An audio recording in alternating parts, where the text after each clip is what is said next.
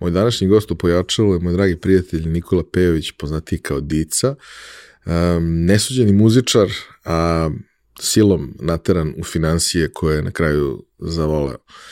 Pričali smo o njegovoj karijeri i njegovom životu, ali o svemu tome što ne znamo o financijama, zbog čega nam je uvek kvalitet života lošiji nego što bi trebalo da bude. Takođe pričali smo o tome koliko ljudi koji vode firme ne razumeju suštinski kako funkcioniše bankarski sistem i kako oni da od tog sistema dobiju ono što najviše žele. A pričali smo malo i o muzici. Znam koliko mu je važno. Uživajte. Realizaciju pojačalo podcasta podržali su Epson je vodeći svetski proizvođač projektora i štampača kako za kućnu, tako i za poslovnu i profesionalnu upotrebu.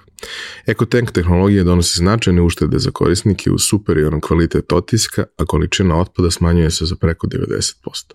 Za više informacije o aktualnim modelima i promocijama posjetite epson.rs ili zapratite Epson Srbija na Instagramu. Naš partner je Orion Telekom kompanija koja nudi jako veliki broj usluga iz domena informacijone bezbednosti, zaštite podataka i IT održavanja. Jednom rečju, Orion Telekom je sistem integrator i ukoliko tražite partnera za domen kibernetičke bezbednosti, oni su prava adresa za vas.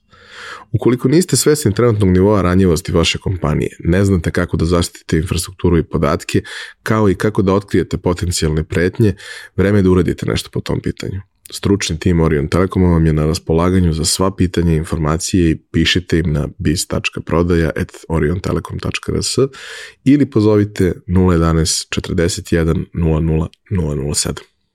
Odnedavno sam postao urednik i autor na portalu naše mreže. U pitanju je portal za preduzetnike gde možete pronaći mnogo zanimljivih i korisnih informacija o svim pitanjima koje muče vlasnike biznisa u Srbiji. Među autorima možete videti mnogi od mojih gostiju iz prethodnih epizoda, pa topla preporuka da posetite naša mreža.rs. Za slučaj da želite da nas podržite vi individualno, uh, možete da posetite link u opisu podcasta na platformi Buy Me A Coffee i tu možete kupiti mesečnu pretplatu ili jednokratno donirati neki jednost koji želite. Hvala vam unapred na tom. E pa, Dico, dobro mi došao. Bolje te našao. E, da ne bi ja pokušavao kao čovek koji se ne razume u financije, nego više ovako hobistički da objasnim čime se ti sada baviš, aj ti probaj to da nam složiš u par rečenica. Aj bolje ti. da. um, ja u poslednje vreme ono što ja radim je da sa manjim IT, kom, prvenstveno IT kompanijama možemo da pričamo o tome zašto, uh, shvativši da one ne vode dovoljno računa o svojim financijama, što je meni bilo vazda šokantno jer imaju fantastične klijente i sve je to posloženo kako treba, a nešto što ti je osnovni, jedan od tri osnovna stuba funkcionisanja firme financije, time se nekako ič ne bave. I to je meni bilo s jedne strane šok, s druge strane, upa evo posla. Tako da zapravo uh, uh, ver, volim da verujem da pomažem manjim kompanijama da uh, ostanu finansijski stabilne kako bi mogle da rade šta su im već planovi. Što su dobro rekao. I da, da ne urade nešto užasno glupo. u, u najmanju ruku. Znaš. Dobro. A, ono što uh, u principu najčešće radiš u vrlo pojednostavljenom obliku su ljudi mogli da čuju jesenas na Digito konferenciji u Nišu sa vrlo slikovitim primjerima, jer uh, IT-evcima mora da se stavljaju sličice. A tako sam ga ja cenio, baš mi je drago, znaš, malo sam imao zent kao, ja, znaš, da li si ja, evo ga ovaj smarač sa Excel tabelama i zato sam ga malo, no, što bi moji profesori na fakultetu rekli, vulgarizovao, ali ne na način da izgubi smisao, tako da stvarno mislim da su ljudi skapirali šta, kako i zašto. Vidi, imaju, imaju dva naziva za taj pristup. Prvi naziv je, jel možeš ti to meni na primjeru iz života, to. a drugi naziv je čuvena izjava Srđana Šapera kad god neka kampanja bude fantastična, ali previše sofisticiran. Poseljači. da, da, kao, spusti ga na ono. Da. E sad, mm. ovaj, uvek u pojačalu se bavimo tim problemom geneze bolesti. Mm. I krećemo uvek od istog pitanja, mančmelo pitanja Šta si ti hteo da budeš kad porasteš? Ej, ja sam hteo da budem bubnjar. I to sam se, baš, baš, stvarno sam se mnogo ložio na to, zapravo i dan danas se ložim. ne keve mi, znači, nikad nisam sad nešto kao razmišljao, kao ja sam hteo da budem bankar, finansista, Direkt. vlasnik firme, Ne, ja sam stvarno se, mnogo sam se još kao klinac sam se ložio na muziku. Viš, to je čudno, recimo, mama je imala, ono, kao muzičko, zvanično muzičko obrazovanje, tipa nižu muzičku or whatever, ali me zapravo tata, um, i na tom sam stvarno mnogo zahvalan, kad sam imao pet godina, kupio mi je gramofon, predao mi je svoje ploče i to stvarno cool ploče, znači Stone, i sad nije kao, vidi kako je on cool, majke mi je bilo, Stonesi, Beatlesi, Bowie i na ovo sam posebno, posebno, posebno ponosan, Kraftwerk. Mm.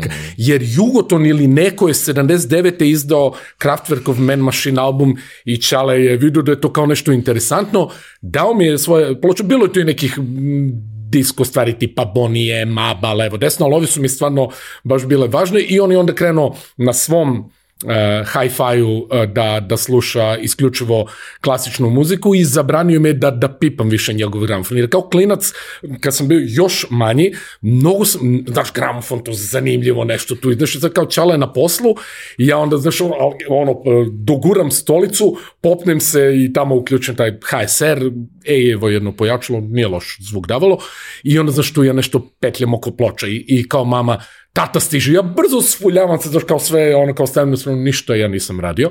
Tako da zapravo sam se od uvek ložio na muziku, pa i danas.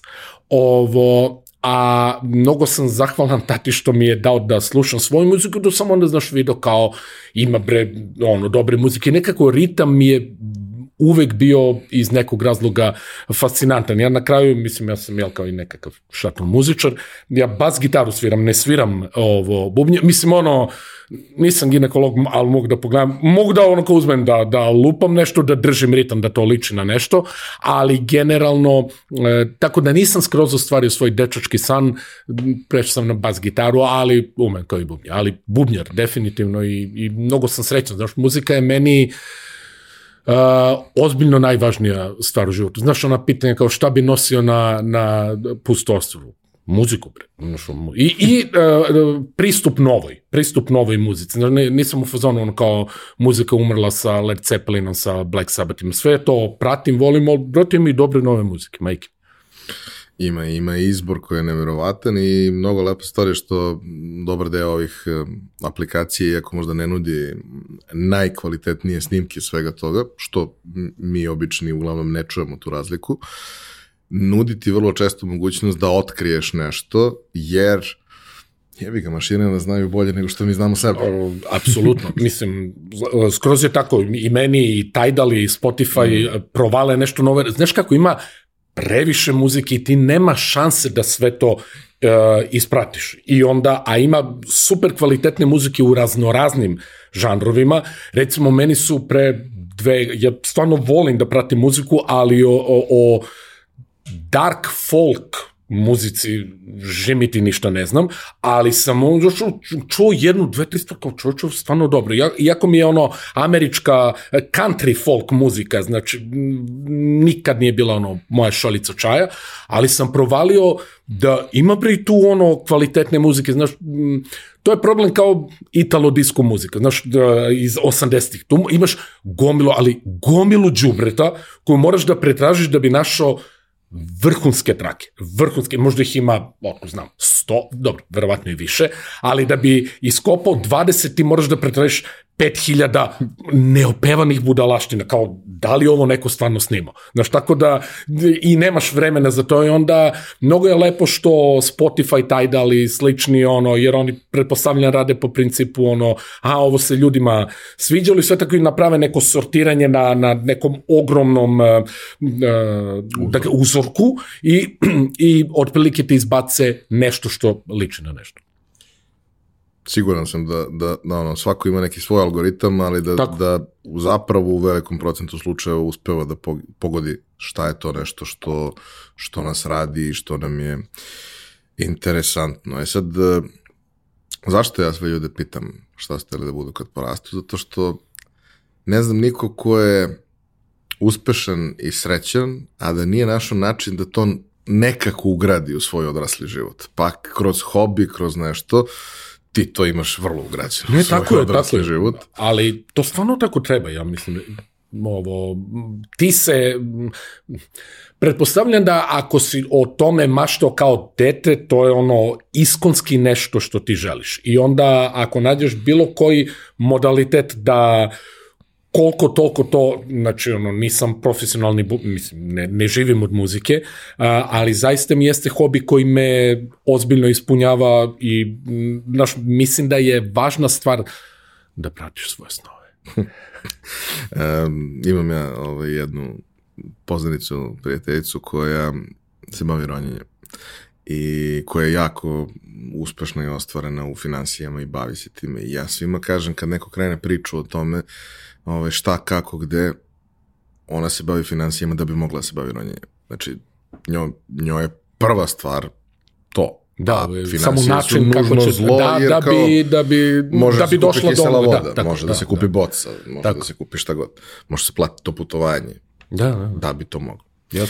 A, kad si bio mali, bio u osnovnoj školi, ovaj, je li bilo nekih tu ljudi koji su ti bili zanimljivi, koji su ti otvarali neke, ovaj, otvarali neke vrata, neke prozore po glavi, palili ti neke lampice, interes, zainteresovali te za neke teme? Kako ti uopšte bilo u osnovnoj i srednjoj školi? I, mislim, ok, ali ono, ko čemu baba u štipcima, a ja u muzici, znači realno, znaš, imao sam tu jednu prilično uh, kako bih to rekao, muzičko-fašistički pristup u fazonu, ako, uh, ako mi se ne sviđa to što slušaš, nemamo mi šta ni da pričam. Znaš, mnogo kasnije sam shvatio, na primjer, meni lično, ono, narodnjaci su, ja tu muziku stvarno ne volim, prosto mi je bez veze, i, uh, i to do nivoa, bez, kapiram ja da Tomas Zdravković nije isto što i Ljubka Stević. Uh, ali mi nije ni toliko različito. I onda slušao ti Tomu ili whatever, nemamo mi što da pričam. Mnogo kasnije sam shvatio da je to zapravo bio pogrešan pristup da da, e, da zapravo sebe lišim e, poznavanja nekih jako zanimljivih ljudi posmatrajući ih e, samo kroz to šta slušaju. Jer sam tek kasnije shvatio da, da ljudi kad ih pitaš šta slušaš i on kaže svašta, što meni ono kao kosana, kako misliš svašta, ili kao sve što mi se sviđa, kao keveti, pa razumem, ali A šta, šta? da, kao, pa nemam pojma, ono, pustim radio, da, da, da, to kao nervni slom doživim, a zapravo sam mnogo kasnije shvatio da ne znači muzika ljudima isto. Nekome je to kao, ok, kao drnda mi super mi, ili kao, sviđa mi se, ne sviđa mi se, ali sad kao da ja tu ulazim u, drugu, treću i petu dubinu, to se ne dešava ljudima. To sam mnogo kasnije shvatio, kažu da sam postao prijatniji čovjek nakon toga. e, kako si ti kroz obrazovanje došao do, do profesije kojom se baviš? Kako, šta se dešavalo? Ti išla matematika? Uh, da, aj, aj sad, pazi, meni su uh, mama i tata univerzitetski profesori. Mama medicina, tata elektronika. Znači, uh, sa tatine strane inženjerski pristup, a sa mamine uh, medicina, znači prirodne nauke generalno. I uh, više sam, uh, ono na čemu sam večno zahvalan svom tati, je e, inženjerski pristup u svemu. Ja mislim sam ekonomista, nisam inženjer, ali ono što, mi, što me je naučio, a nisam shvatio da, da me je naučio, zapravo taj inženjerski pristup je ti hoćeš da razumeš kako stvari funkcionišu u svojoj, u, u svojoj suštini. I to je mnogo primenjivo za, za sve što radiš. E, kada, kada učiš ja recimo prve dve godine sam bio ono kao prilično student na, na ekonomiji, ali zapravo kad sam shvatio, kad sam pričao sa jednom profesorkom i iskapirao da e, zapravo je mnogo bitnije razumeti kako stvari funkcionišu, kad sam razumeo kako otprilike raz, funkcionišu ekonomski zakoni, tog momenta mi je postalo mnogo lakše da, da da učim. Krenuo sam stvarno devetke i desetke da, da, da spuštam u indeks, ne zato što sam više učio, nego zato što sam kvalitetnije učio jer sam razumao kako stvari funkcionišu. Da ne mogu ja možda da ti kažem definiciju kao u, u, u reč, ali ću razumeti kako kako stvari funkcionišu i spustit ću ga na nivo toga konkretnog i, i, i a, što je zapravo inženjerski pristup. Ti razumeš kako se stvari dešavaju i onda neka konkretizacija, pa dobro, delo je taj, taj i taj zakon i onda će rezultanta svega toga biti to i to. To je meni uh, jako pomoglo, ali zapravo nikad nisam Uh, mateka, matekamija, matematika mi je, uh, mi je dobro išla, uh, išla mi je dobro u, u osnovnoj školi. Uh, u srednjoj, barem fakat nisam imao dobrog profesora matematike, što je jako važno za nadalje. Ovo, jako sam išao u matematičku gimnaziju i sve to, uh, ali sam u, u trećoj i u četvrtoj godini gimnazije imao ozbiljno genijalne profesore uh, u trećoj filozofije, u četvrtoj sociologije, što ne bi očekivao u matematičkim gimnazijama, ali bili su totalni kraljevi. I, uh, barem za mene, meni se jako, ono, shvatio sam zapravo da se meni to stvarno sviđa da razumem kako svet funkcioniše, što je, to je društvo funkcioniše, što je neka sociologija, a, a šta ljudi tripuju i kako razmišljaju, znači, ja, na primjer, ja se ozbiljno ložim na Hegela, koji je ono super uh, i, i konfuzan i kompleksan, ali znaš ono, seo sam pa sam razmišljao šta je pisac hteo da kaže i relativno ga shvatio. Znači, prosto, mislim, relativno. Ovo, meni se te stvari sviđaju. I onda imaš lošeg profesora matematike, znači nisi dobar iz matematike, e, elektronika verovatno otpada, a, logično bi bilo medicina, međutim, ima tu sad stvarno uh, jedna stvar, znaš, mm, o, nadam se da ovim neću nikog da uvredim, a i da oću baš me briga, to je fakat. Dakle, deca profesora medicine mnogo lakše završavaju nego deca uh, koji nisu deca profesora medicine. I ja znam uh, šta bi se meni desilo. Tu sam stvarno ponosan na sebe da sam tako razmišljao i da sam i sa mamom pričao na kao, vidi, ja inače mislim da nisi za medicinu. Ali rezon mi je bio, uh, ne, u stvari bilo je brutalnije. Ti medicina? Ma daj, molim te. Ovo, ali, znaš, mislim, mama je profesor, njena rođena sestra, znači moja tetka je bila hirurg, njihov tata, moj deka je uh, osnivač i prvi dekan medicinskog fakulteta u Nišu. Zašto to pričam? Ne kao, wow, koji se ti faca? Ne, nego, znaš li ti kako bi ja uh, završio taj fakultet? Dođem, o, Đuknićem unuk, ajmo, desetka i pozdravi kući, znaš. I onda, pošto ja sam unuk svog dede, znači ja ne bi mogu da budem neki lekar opšte prakse, nego hirurg, bre, brate. A što je kao otprilike kruna medicine, hirurg loš đak otprilike ubija ljude. Znaš kao, drugo je, i onda sam kao išao, ekonomija kao, pa dobro, tu kao šta upropastimo preduzeće, niko neće umre, ovde bre, umiru ljudi, znaš. Tako da, mislim, a, a, tako sam izbacio medicinu kao, stvarno ja sam isto ono kao, do, dobro sam rezonovo, jer jeste tako. Deca profesora lagano prolaze fakultet. Ja bi možda prva dva, tri ispita učio, jer kao, znaš, kao ne smem da se izblamiramo, posle ko ti vidiš, oni te i ne pitaju, ono, mislim, u ljudskoj prirodi je linija manjeg otpora. To bi se tako desilo i onda sam rekao, ok, nećemo to tako da radimo. Uh, ložio sam se na političke nauke zbog filozofije ovog onoga, ali uh, ježio sam se ideje da budem podstanar, jer politički su samo u Beogradu. A, nisam volio da budem podstanar iz prostog razloga što ja imam taj sadistički moment da ako mi se, sad više ne, ali ako mi se u tri noću mi dođe da sviram bas gitaru na pojačalu uz glasnu muziku, ja ću to i da uradim. Imao sam relativno tolerantne komšije, ali sam kao, shvatio sam da to kao podstanar ni u ludilu ne mogu da radim i realno, majke mi, to je bilo kao, ok, kao, ne mogu ja sad tu da se smaram da budem podstanar, ostaću u Nišu, drugari, kao, znaš što, mi ćemo na ekonomiju, ekonomija, a, kao, ajde, važi. Hoću da ti kažem, prilično glup Uh, način da izabereš svoj život, neozbiljno, ne, ono, neozbiljno je bilo, ali nisam o tome tako razmišljao i znaš šta, nikad, stvarno nikad nisam požalio. Majke mi, znači, nikad nisam bio u fazonu, ja, brate, možda nije trebalo ekonomiju, možda je trebalo elektroniku, umetnost, muziku ili šta god. Ne, nekako se ispostavilo i to stvarno kroz ceo moj životni zvuči pretencijozno, ali kroz moj životni put nekako sve je imalo smisla.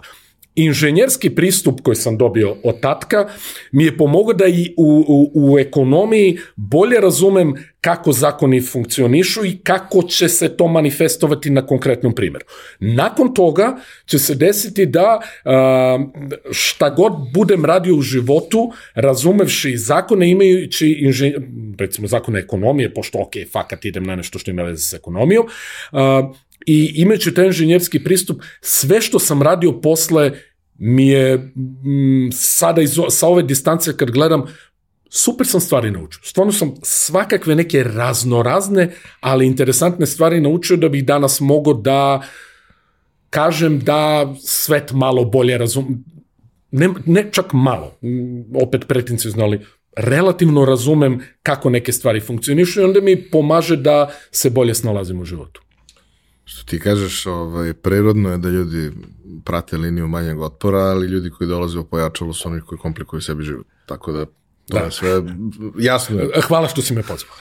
ovaj, e sad, uh, ekonomija je super korisna i u suštini svako bi trebalo da ima nekakve osnove ekonomije i osnove upravljanja financijama u svom životu, jer bi to verovatno bio mnogo kvalitetniji život. Apsolutno. Ekonomija ima mnogo podoblasti, mnogo usmerenja na koja može da se krene. I imali smo ovde u, u gostima razne ljude sa raznim odabirima u tim situacijama. Neki od njih su odabrali stvari koje su koje im nisu legle, koje im nisu prijele, gde prosto nije bilo posle onog prostora za napredovanje, odnosno vrlo je bilo kepovano to dok ti možeš da stigneš i šta možeš da radiš. Um, to je u Beogradu obično odluka koja se donosi na drugoj godini ovaj, i od treće da kreće usmjerenje, moguće se to menjalo, ali ono, u nekim mojim generacijama je to bilo otprilike tako, prve dve godine ko preživi, onda da, da. se može da bira sito, šta će u životu. Ko je preživeo, da, da. Ove, ovaj, slično je bilo i na ostalim fakultetima. Uh, I u Beogradu su u tom periodu nekih moje generacije i, i onih koji su neposredno bile posle toga, su se dosta neke revolucionarne stvari dešavale na fakultetu i dolazili su neki prilično cool, moderni, novi smerovi. Ovaj, znam ljude koji su završavali, bili su uglavnom vrlo zadovoljni svim tim. Kako je u tvom slučaju teklo to kao specijalizacija? Uh, vidi, na faksu, kad sam izašao sa fakulteta, nisam imao pojma šta ja sad sa ovim znanjem uh, uh, mogu da radim. Inače da, financije stvarno i, i, i ekonomija, malo neko bazično razumevanje ekonomije, mislim da bi bilo jako dobro već od nivoa osnovne škole. Makar neke, ne moraš ti da se baviš time, ali neke bazične stvari da razumiješ, da se razumemo, nije kvantna fizika. Ma, ekonomiju možda svedeš na tri zakona, a na kraju dana ćeš je svesti na jedan koji je zakon ponude i potražnje i neverovatne derivate koji izlaze iz toga. Znači, da, da su to ljudi razumeli kao što sam ja razumeo u četvrtoj godini srednje škole, zahvaljujući profesoru sociologije, koji majke mi je oči otvorio da, da, da razumem kako te stvari šljakaju, sve bi bilo, mislim da bi takve stvari trebalo da, da se uče i mnogo ranije. Faks konkretno, stvarno kad sam izašao sa faksa, nisam se osjećao uh, kao da, da imam neke uh, veštine i, i znanja da ja sad uzmem šta god da radim, pride nisam nimao pojma šta bih radio sa tim, ali ja sam ono dovoljno matur da sam baš hvatao to zlatno doba kada ja sam završio faks otprilike godinu, dve, tri pre nego što su krenule velike banke da dolaze. Znači 2002. je došla ova MFB mikrofinancijska, to je posle postala uh, Prokredit. Uh, vidiš i oni su tada raspisivali konkurs jel, onko, za, za, ovo, za radnike i a, muzika. Ovo, sad ću da čuš. E, I naravno prijavim se ja, prijavi se i kum, ovo, on prođe, a mene na e, intervju, e, žena koja će biti direktor filijala u Nišu, e, Nemica neka, Andreja nešto, priča je ono, sad ona meni tu otprilike objašnjena šta, ali kao interesuje se ona iza mene. I naravno ja krenem, ma vidi, ja muzika, znaš, ja imam band evo kao, e, e, nedavno smo snimili e, spot, on se vrteo, mi smo prvi niški band koji imao spot na MTV-u.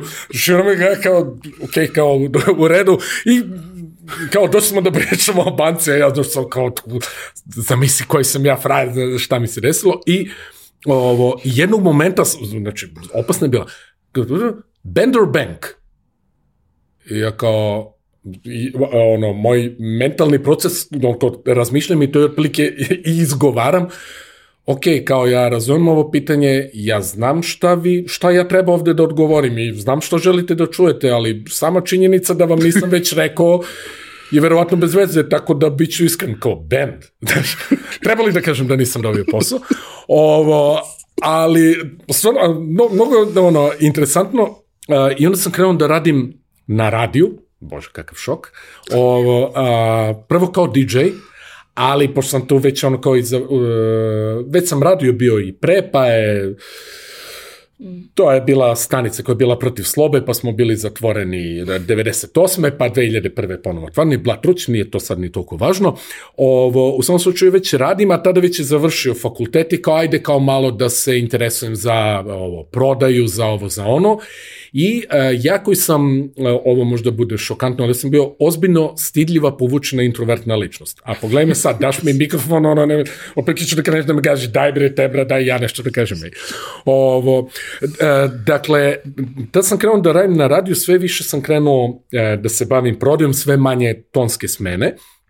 Ovo, I tu, i mnogo sam zahvalan stvarno uh, vlasniku te stanice, jer uh, ona je bila članica Anima, znači to su isti one, jel Slobana zatvorio, pa posle kao promenila se vlast, ali kao ajde da pravimo da ljudi, znači financijeri iz inostranstva su bili u fazonu daj da, e, nećemo da ti dajemo ribu, nego ćemo te, te naučimo da pecaš. I onda je bilo zaista puno tih uh, sesija i, i uh, seminara o, o prodaji, na koji i stvarno su bili uh, fantastični likovi koji su dolazili i mene je ovo vlasnik slao, na primjer, tako sam išao kod uh, pokojnog Sakana na uh, ovo, pa sam i Džamića upoznao, znači stvarno dobra ekipa, znaš sad kao no, 20 godina kasnije ti vidiš da su ono ozbiljni zverovi bili ti koji su ti uh, držali predavanja i nekako sam se zainteresovao za to i ta pro, uh, naučivši prodaju stvarno mi je promenila život. Uh,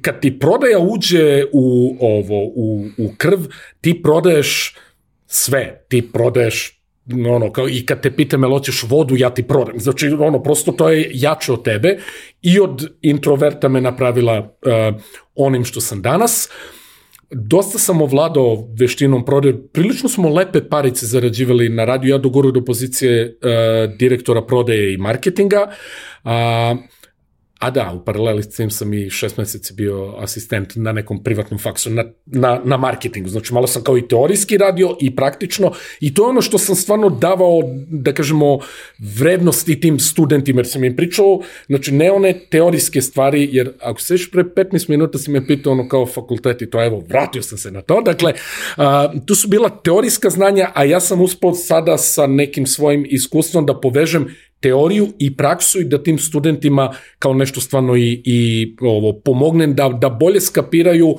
o čemu se ovde zapravo radi. Jer ja kad sam izašao sa faksa, pojma nisam imao čemu to sve služi, a usto i ne radi. I onda ovo, dosta sam postao dobar u, u prodaji da bih krenuo da držim privatno i treninge iz prodaje raznoraznima a, i osiguravajućim kućama i bankama Prokredit banci. Znači, ali ovo je već otišla, da.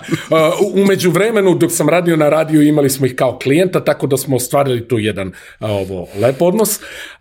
Krenuo sam, znači, da uh, uh, zamolili su me da kao održim trening njihovim, ono, trening iz prode njihovim ljudima i što sam sa velikim zadovoljstvom i uradio i nakon toga su mi ono kao dali ponudu za posao. Znači, recimo, četiri ili pet godina kasnije u odnosu na ono inicijalno kad su došli. Ali i dalje dovoljno dobro i u dovoljno dobroj banci da, e, da mogu mnogo toga naučiti. Prokredit, što mislim da više danas ni oni ne rade, ali tada, 2003. 4. 5 su, e, znaš koji mi je biznis model bio? Ovaj.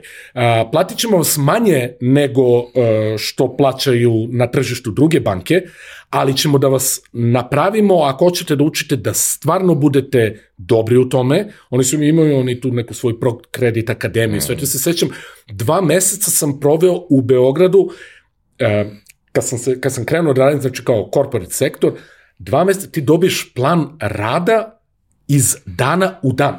Dva, e, dva meseca unapred, znači dobiješ danas si ovde, sutra si ovde, na kraju svaki nedelje test. Znači, ozbiljan rad sa ljudima I tu sam zaista solidno naučio o, o bankarskom poslu. Znači, ta dva meseca obuke su bila prava obuka. Ja ne verujem da danas i jedna banka uh, to radi, jer kažem, biznis model im je bio platit ću te manje, naučit ćeš puno, e, ti ćeš da budeš stvarno kvalitetan kadar, ja ću da te eks, ako je exploitation prave reč, ali prosto radit ćeš kod mene za te pare neko vreme, dok jednog momenta ne pozovu iz uh, hiring agencije da pređeš negde drugde. I to je njihov biznis model verovatno i dan danas. Srećan sam što sam tu naučio o bankarstvu jer sam skapirao šta jeste i tek onda ono što sam učio na predmetu bankarstvo pre x godina na fakultetu sam shvatio, jo čoveče, to li je to? Kevin, jer tu ti je, na faksu ti to super abstraktno, ti ne razumeš šta je ni čemu služi i posle čekaj, to je to ono što su mi oni pričali, to, to je mnogo prosto. To je stvarno prosto, kao što ga nisu drugačije objasnili, ali nisu. E, sećam se ja prokredita u tom periodu, što je prokredit bio tačno preko puta zgrade u kojoj sam živao, preko malo veće ulice, ali ovaj, bukvalno 50 metara vazdušnom linijom i ja sam svoj prvi račun otvorio tamo i e, moram da priznam, bila je tu neka devojka koja je radila sa kojom sam ono razmenio mailove i svi 90% stvari sam završavao mailom, nisam morao ni da idem tih 50 metara. Ali ovaj, kasnije u životu otvarajući i lične račune po bankama i račune za firmu i sve ostalo, e, nikada nisam imao tako jednostavan i efikasan proces toga kao tad prvi put u prokreditu. Ja sam tu banku ozbiljno zavolao. Mm. I okej, okay, vremenom, ono, život ti se svede u suštini na to da ti biraš banku po tome koja ti je fizički najbliža. Da. Ta filijala je zatvorena, prva sledeća filijala, ja moram da sednem u kola i da provedem neko vreme i da poginem tamo tražeći parking i ja neću ostati u toj banci, jednostavno. Da. Ovaj, posle se desile i ove neobanki i sve ostalo, ali kao u realnosti, kad gledaš malo gde su, ne znam, i računi firmi i sve ostalo, to su banke koje su ti fizički blizu, do kojih možeš da odeš peške ili od lokacije gde ti je posao ili od lokacije gde ti je kuća. I kad smo radili neka istraživanja na tu temu pre par godina ovaj, sa, sa nekim prijateljima, to se ispostavilo kao jedan od glavnih razloga kako ljudi biraju banke. Ne to da li ima Apple Pay i da li ima ovo ili ima ono. Ima određeni procenat koji će zbog toga da promeni banku jer su čudni, ali u suštini to je beznačajan broj. To je mnogo lepo za show off, ali to je u suštini beznačajan broj. I razlog zašto su neke banke ono velike jeste što su prvo bile velike, a onda su porasle. Prvo su bile velike po broju filijala, a onda su porasle da, da. ekstremno da. po broju Tako. ovaj korisnika. Mm. No, a, Dakle, lepo je učiti o bankarstvu i raznim drugim stvarima od Njemaca. Jel? Tako kad on to, kad on to posloži, to sve bude uredno, bude kako treba. I sećam se te jedne stvari koja mi je bila zanimljiva, to sam pričao isto i sa, sa, sa jednom prijateljicom koja u nekom periodu radila u Prokreditu kasnije. E, to je bila banka u kojoj nije default odgovor bio ne može. Tako što se razlikuje od svih ostalih banka. Apsolutno. Vidi, ja čak verujem da i Prokredit danas u pozonu, ne. Kao, tad stvarno nije bila Znači, to ne znači da može. Ali, ali nije da prvi odgovor tako ne može, nego, tako, ono, ok, hajde probaj da mi objasniš. da vidimo, znaš, pa ako ne može, te brat, ne može. Šta si radio? E, a, znači, bio sam jel u korporativnom sektoru, odmah što znači ono rad sa velikim preduzećima, od, kod njih je to bilo od miliona evra prihoda pa naviše. I, e, znači, je, generalno u bankarstvu ti imaš ono ili retail ili corporate, dobro ima investicije, no daj sad to nebitno, znači ili radiš sa stanovništvom ili radiš sa privredom, pa unutar privrede je ono mikro, mala, mm. srednja i velika, znači ja sam odmah radio sa e, većim preuzećima. Kod njih je fora baš to, e, po defaultu ne smem da ti kažem da ne možeš. Ok, ono što vidim da ne može, što je što se kosi sa propisima ili kako već. Zdravim to, razumom. Da, da, da, da. Ja, i, ne, propisima.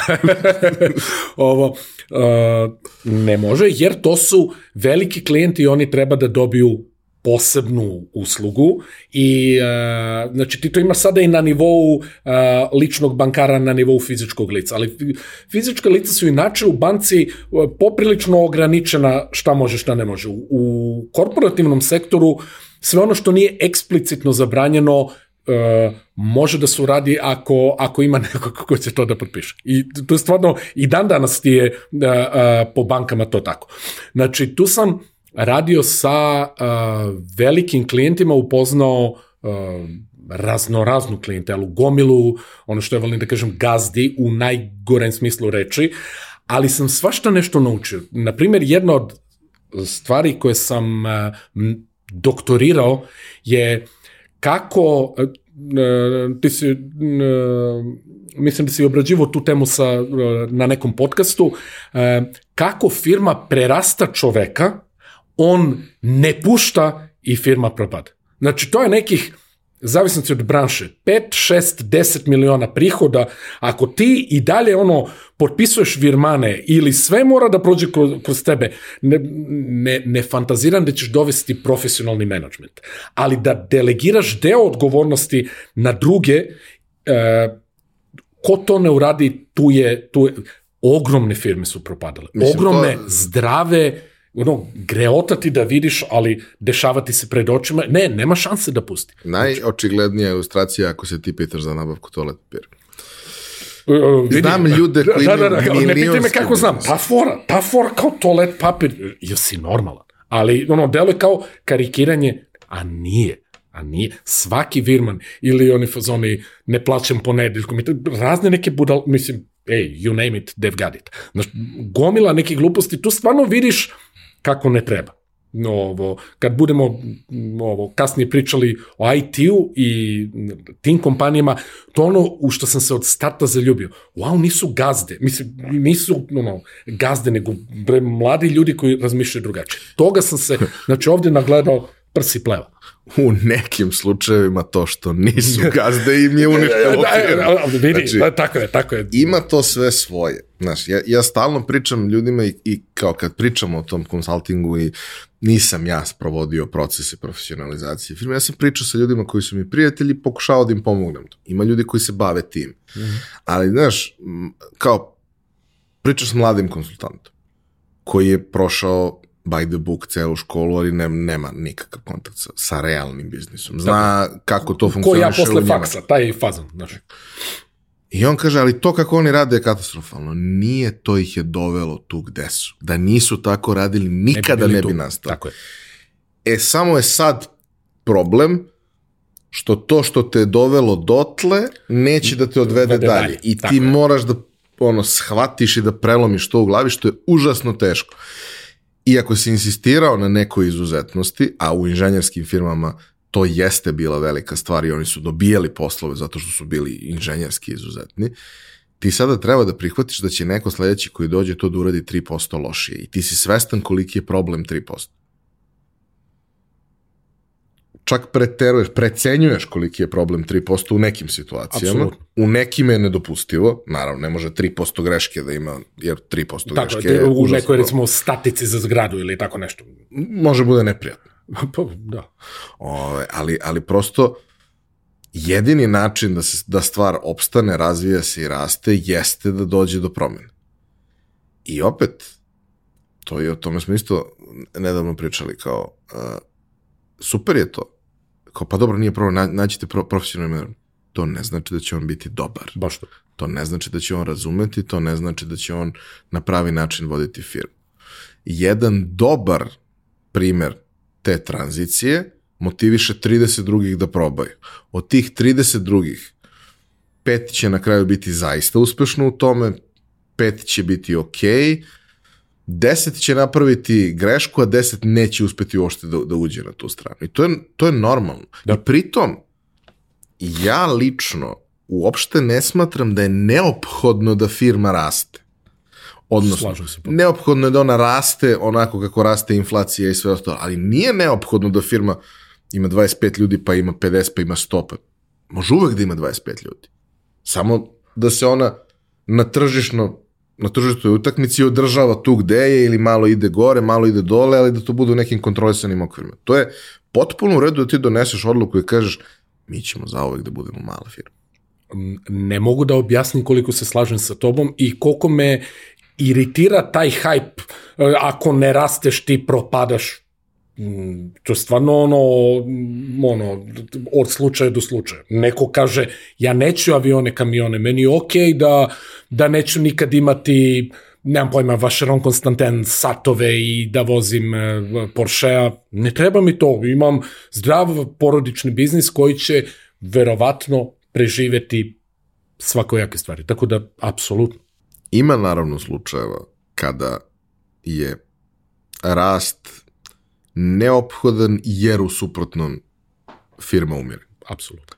Ali to je ono, brzo rastuće industrije, to su neke situacije koje su redke i izuzetne. Ima naravno situacija u kojima ima smisla um, iskoristiti maksimalni potencijal koji firma ima i u narednih par godina povećati maksimalnu vrednost firme ako planiraš da je prodaš. Tako je greota je da to ne uradiš, Tako je. jer će onaj prvi sledeći koji kupi to verovatno uraditi. Neki kupuju da bi digli i prodali, neki kupuju da bi imali.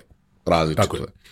A, šta je po tvom mišljenju sada sa ovim iskustvom, a možeš da kažeš i po ondašnjem mm -hmm. utisku i mišljenju, šta je bila uloga banke i bankara kao partnera tim firmom. Kako su oni to doživljavali, a šta zapravo trebalo da, da bude? Hmm. A, vidi,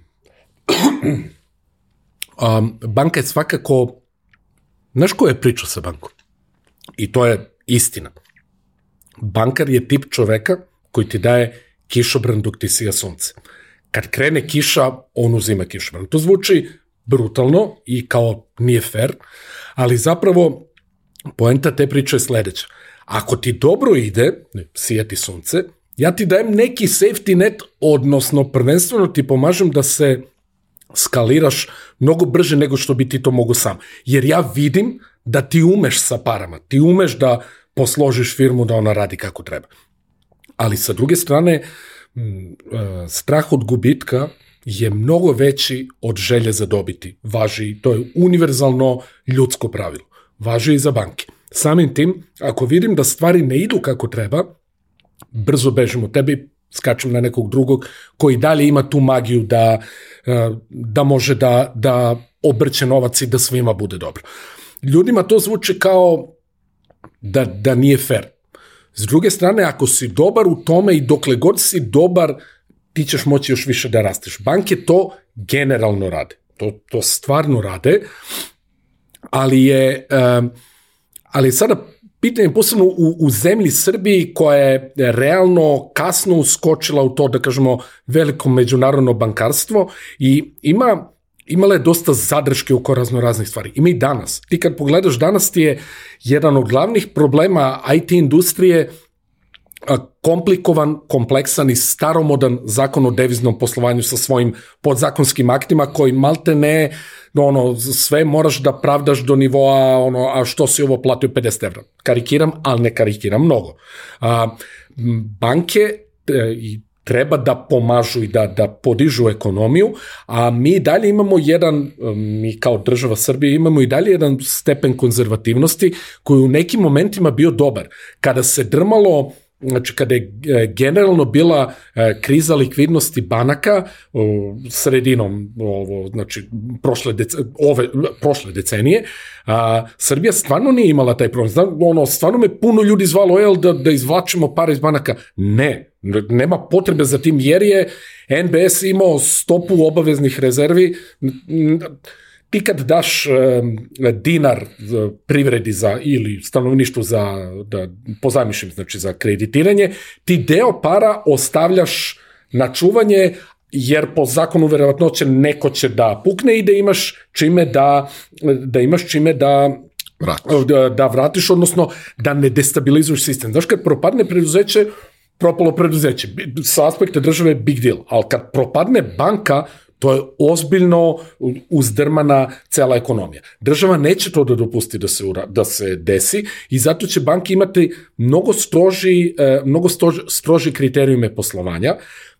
NBS je još digo tu lestvicu više, e, tako da su sa jedne strane banke su bile super likvidne jer su na svaki dinar koji su izdvajale puno para odvajale, mnogo više nego razni uh, Goldman Sachsovi ili uh, Lehman Brothersi, na primjer, kojima se jel desilo šta se desilo, uh, ali sa druge strane to ima i svoju negativnu stranu, a to je kamate, kamata na stambeni kredit u Americi je dramatično niža nego kamata na isti takav stambeni kredit u Srbiji. Znači, To je to. E, naše banke su zbog e, zahteva regulatora konzervativnije, zato što i dalje mi nismo dovoljno veliko, moćno i razvijeno tržište i imam bukvalno pomešano osjećanje. Sa jedne strane kapiram da, da se puno koči, sa druge strane razumem da a, da ne, ne želiš da budeš neoprezan, posebno a, zemlja koja je ne tako davno, mislim 90. godina doživjela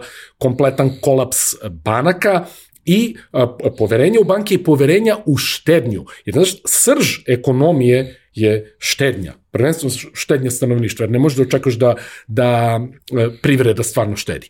Ona i ne treba da štedi, stanovništvo treba da štedi. A, zemlja koja je 90. godina imala gazda jezdu, da finu i totalni kolaps stare devizne štednje, a, imam razumevanja zašto i dan danas se ono gradi sistem poverenja da ne želiš da budeš brzoplet. Tako da, kažem ti, baš su mi pomešano osjećanje. Ima dosta tih primjera gde ovaj, uslovi koje ti možeš da dobiješ uh, od banaka su ono, uh, direktno proporcionalni time šta ti u tom trenutku treba. Tako da kad ti treba, obično ne možeš to da dobiješ, što samo znači da nisi planirao na pravi način. I to je ono gde se najčešće dešava taj, ovaj, to nerazumevanje u, u suštini. Uh, banka uh, treba da živi od nečega i treba da zaradi novac. Banka postoji da bi zaradila novac kao i bilo Isto koja kao druga i firma. drugo preduzeće, da. Samo što proizvod koji banka ima je novac. Tako je, svi ga žele, da, tako je. Ovaj, I oni moraju da vode računa svesni toga da statistika kaže da će određeni deo plasmana tih kredita biti neuspešan, odnosno neće biti vraćen ili će ka, ko zna kako i kada biti vraćen i tako dalje. I tu se radi neka vrsta jeli, analize rizika i donose se odluke. Tako je. I to što si ti sebi super i majke mi sve će da bude kako treba, ne znači da zaista prolaziš neku objektivnu analizu rizika. Isto tako ne znači da možda ako, ono, ako ti neko stvarno veruje, možda ti izda kredit i po uslovima koji objektivno, objektivno ne zaslužuješ, dobiješ bolje nešto nego što bi trebalo. Ali to je izuzetak od pravila, a nema mnogo izuzetaka u bankama. A i ako se dešavaju, dešavat će se prevashodno u korporetu. Neće se dešavati na nivou uh, retaila. Znači, naš, to prosto procenimo, ok, ovo je the next big thing, uh, pomoći će se, ono što kažeš, boljim uslovima nego što bi možda trebalo, uh, u nadi, jer banke opet i žele da zarade više i imaju koliko toliko veštine da procene da li nešto ono može da, ma da, da se razumemo, imaju veštine, ali puknu klijenti samo tako. Ma jedna mnogo lepa stvar, ja se toga sećam jer sam tada sarađivao sa njima i bilo mi je interesantno. Erste kad je, kad je krenuo neku ofanzivu i ekspanziju da se širi, radio je to čini mi se na jedan prilično zdrav način i jedan prilično human način u tom nekom smislu. Ja sam tad pričao sa prijateljima koji su tamo radili i oni su mi objasnili kao jednu stvar koja je super kad si ti banka koja postoji 100 godina na tržištu koje je stabilno i tako dalje, kao zašto vi imate račune za studente koji ne koštaju ništa, a na kojem imaš sve benefite, imaš karticu, imaš ovo, imaš ono. Mogu. Zato što će ti studenti u jednom trenutku da se zaposle. Upravo. A mi, ono, kao, a mi smo u procesu long corner. Da, da, da, znači, tako je, mi tako smo tu da ga zatvorimo Tako za je. 10 godina kad bude upravo, trebalo. Upravo, naučit će, mislim, pošto sam u Ersteu, ja radio 8 godina kao direktor, znači baš, baš, znaš kako kad si rekao Ersteu, si ja, brat, se kad krenem da ih opanjkava, da li da, da, da, li da ih vadim ili da prvo glumim ludo, ono kao, ali super, rekao se lepu priču, da, to je, to jeste e, dobar primer dugoročnog razmišljanja koje skroz ima smisla. Nije svojstveno... Mi ćemo životno da te pratimo. Tako je, dok ti nemaš pojma šta su banke, mi ćemo te navići kako bankarstvo relativno treba da bude, jeste i ti si sa nama bez ikakvih, ono, investiramo u tebe. Ulažemo još u jedan tebe. primjer. Tako, hm? Trije, od pre 35 godina. Mm. Kasice, prasice, koje su bile brendirane u banki. Da, tako je. Ti gledaš i ti ne možeš da ne stvoriš odnos prema tome, zato Tako što je. ti to ono kao, to ti je najvrednija stvar koju da, imaš kad tako, klinac. jeste, bre, kao, jeste, znaš, baš jeste. Znaš, I to je stvarno dobar primer. Ti uh, ulažeš u nešto narednih 10 godina i taj čovek, ta osoba, kad krene da radi, pa sigurno neće sad da uzme da, da promeni banku. Mislim, desit će se, ali velika većina ljudi će ostati u tome. I to zaista ovo šljaka. Vid, e, video sam znači u ovoj IT kompaniji u kojoj sam radio u Neopixu, imalo je ljudi koji su ono bukvalno imali taj, e, zvao se omladinski račun i samo su nastavili tako. I kad pogledaš iz perspektive banke, to je bila dobra investicija, dobro su ga uradili jer su zadržali ljudi. Znaš, dobro, ni, I umeđu dobra- vremenu je banka porasla i umeđu vremenu je postala dovoljno česta da je srećeš na raznim lokacijama, napravili su one dilove i sa bankomatima da i na drugo Tako je. možeš da praviš Tako je, nešto. da.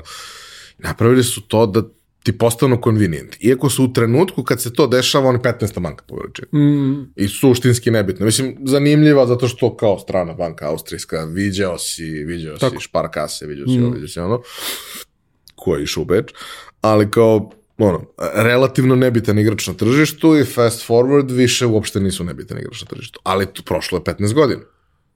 I to je mnogo lepo kad imaš igrača na tržištu koji ne razmišlja o tome šta možemo da uradimo u narednih šest meseci. Tako je. I to je veliki, m, to je ono na šta mi nismo e, navikli. I klijenti sa kojima sam radio nemaju long term, ali ono tipa 15-20 godina. Znaš, mislim, problem uh, zemlje Srbije uz razno razne je i nedostatak tih e, e, porodičnih e, Znaš, e, Engleze imaju e, mnogo lepo stvar. Znači, postoji dva, dva termina, rich i wealthy. Rich je, znači, Ivan se obogatio, wealthy je, znači, neki tamo minić money. tvoj pradeda, čukundeda, zavrteo neku kintu i to je ono porodično bogatstvo. Postoji razlog zašto ono etimološki u jeziku želiš da praviš razliku između uh, šalabajzera koji je dobio sedmicu na lotovu i uh, neko ko ono porodično to radi. Uh, po, uh, wealthy, znači ovi uh, porodična bogatstva razmišljaju šta će biti za 20 Imamo i mi godina. izraz za to. Ja to volim da kažem. E, Mi smo bogati. Nismo mi bogati, mi smo imućni. Da, da, da. ovaj, e, to jeste svakako ono velika razlika što ti u svakoj od zemalja u civilizaciji imaš kompanije koje postoje 14. generaciju, 7. generaciju, 8. generaciju. Ovde nemaš treću generaciju. Nemaš. Znači, druga ako ima, to je već magija. Da, da, da, da. Znači kao, ali kao, gde ste, evo nas po Italiji, znaš, bili smo juče u vinariji koju 42 generacije drži jedna pored. No, dobro, okej. Okay. Mislim, kao, ja ne znam ko je bio šest kolena unazad, a ne 42, ali okay, možda da su imali vinariju, možda bi znao. ovaj, ali cela ta postavka jeste, znaš, priroda toga što je 90. godina došla liberalizacija, a onda i haos. taman odma iza toga došao Da, da. haos i sve otišlo dođevo. Jeste. I kao, kako nije drugačije, kako nije bolje? Ma i ovo kako je magija. I to što kažeš. Znači, ne, nije trebalo ni ovako da. Mm, mm. I sad, ok, uh, banka, odnosno banke, Banke. jesu uh, sistem koji ti omogućava da vidiš, da uvidiš neke jako zanimljive stvari. Daje ti nekakav presek, vidiš landscape, počinješ da prepoznaješ, razaznaješ stvari, pričaš sa ljudima, od kojih ima i ovakvih i onakvih, ali pričaš sa ljudima o nekim realnim stvarima i realnim problemima i u tome kako možeš da im pomogneš.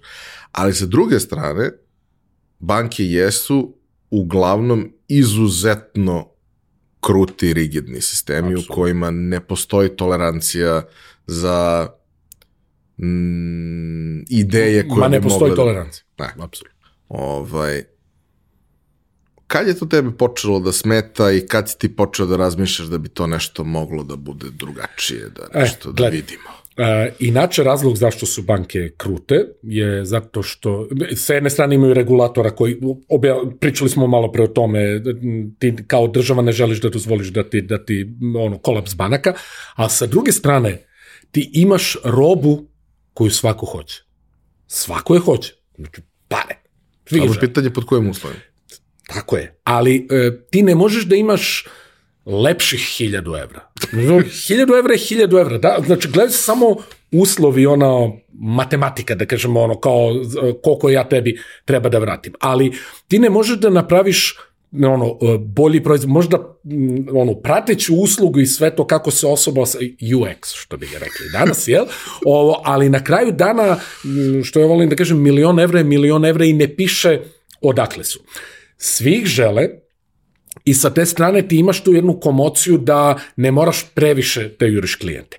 E, onda je s vremenom uh, došla situacija, znaš, mi smo jednog momenta imali, čini mi se, 37 ili čak 39 banaka. Zemlja od 6 miliona ljudi, 39 banaka, od kojih neki solidni ono, igrači tipa B.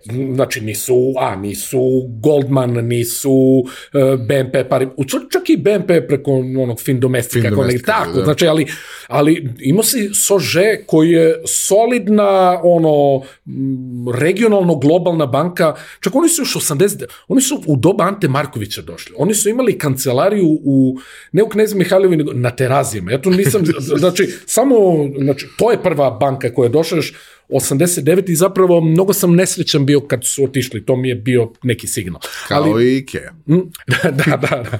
Ovo, ali hoću dugo da ti kažem, pojavilo se previše banaka i onda svi mi imamo taj, jel, 1000 evra, 1000 evra i onda kao mi, mi se tu sada takmičemo o uslugama i ovim i onim i znanjem, posebno u korporativnom svetu, znaš, da ti stvarno klijentu daš i neku finansijsku analizu da mu pomogneš, da mu pokažeš, ej, možda ovo ovako, znaš, malo i savjetu, stvarno savjetodavnu, ovo, ali i to posebno kreće posle 2014. godine, znači do tada je bankarski posao i bio i nije bio seksi. Ali posle toga, to je, znači, srž korporativnog bankarstva je ono, to je relationship business. To je znači ono, ti znaš da ja radim u tvom interesu, jer ako je tebi dobro i meni u banci će biti dobro.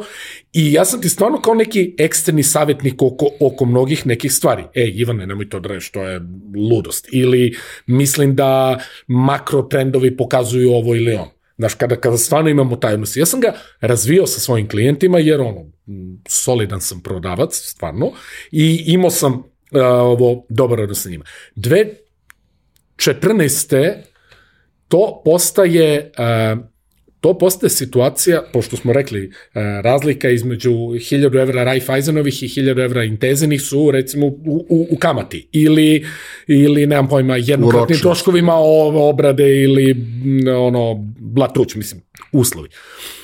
Prevelika količina banaka dovodi do toga da ono mala bara mnogo krokodila. Svi žele, svi imaju neke KPI-eve koje moraju da uh, ostvaruju.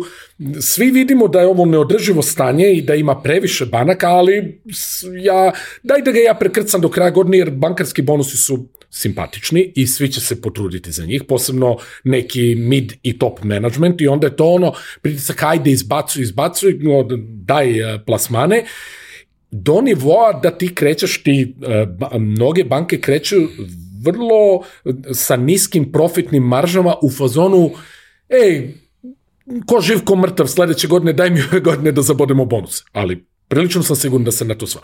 To je dovelo do toga, znači banke su pokvarile klijente, klijenti su vidjeli, u, kao vidi, ja mogu, ono, kao, znači ne mora 4%, može i 3,8, može 3,5, može 3,2. Ja se sećam najužasnije jedne kampanje, jedne banke, jako kratko je trajala, pošto su valjda svi shvatili koliko je idiotski, za cash kredit. Mm.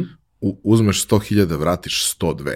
Da. Kažem, brate, ali ne može da, ne može da se isplati. Tako je, tako je. Pa da, kao, znaš, ono, dovući će, pa, brate, ne može ne, da se ne, isplati. Nema trika, nema trika, tako je, ali to je ono, kažem ti, kratkoročno, malo pre pričao smo Erste razmišljan na 10 godina, o, s tim što mislim da Erste nije, znaš, ono, ti na kraju taj takozvani race to the bottom i ti uskačeš u to, jer gubiš plasmane, gubiš klijente, gubiš bonuse, koji nisu loši. Ovo, to je dovelo do toga da su se klijenti ozbiljno izbezobrazili, mislim, fakat, ne znam, ne znam lepši način da to kažem, ali meni se, znači, dešavalo da ono, klijent, znači, to je onaj isti klijent za koga sam ono 4-5 godina razvijali smo ono relationship business. Mi radimo, radimo razno razne stvari i kao što sam ti malo pre rekao u korporitu, ako ima kod da potpiše, svašta će da ti prođe. Kad ti za 4-5 godina napraviš odnos sa klijentom, pa i tvoji šefovi vide, e, ovaj lik je bre normalan, razuman i zna šta će s parama, polako ti ono njemu dopuštaš zaista što više. Stvarno napravimo lepu priču. Dešava mi se da recimo plasman od neka bude milion evra, znači stvarno nije mali plasman, dolazi mi klijent i u stvari ne čak i mnogo manji, mislim važi za milion evra, ali važi za 100.000 evra. Ej, vidi, ako tebi imam kamatu 3,7, uh, Sože ili nije ni bitno ko, mi je dao 3,6 kao reši mi to ili, ćemo da ga, ili ću da te refinansiram. Znači, stvarno se tako dešavalo. I ti sad kao šta radiš, aj kao, jel ne želiš da izgubiš plasmane, ali to je meni bio signal, čekaj bre, znači pet godina mi ovo radimo, mi tu zajedno, znači partnerski, prodaćeš me za 0,1. I to je opšti trend, neće se promeniti.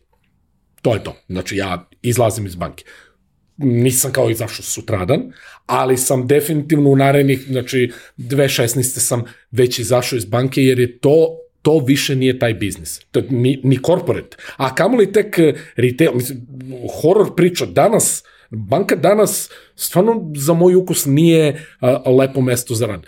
Razumao sam da u nekim bankama radnici na šalteru imaju 45 ili 50 hiljada. To je, to ćeš da dobiješ i u bilo koje ovo, ovo kolokvijalno motači kablova, gde, gde je razlika? Ti si radio 8 sati, motokablove radio šta god, završio si, otišao si kući, to je to.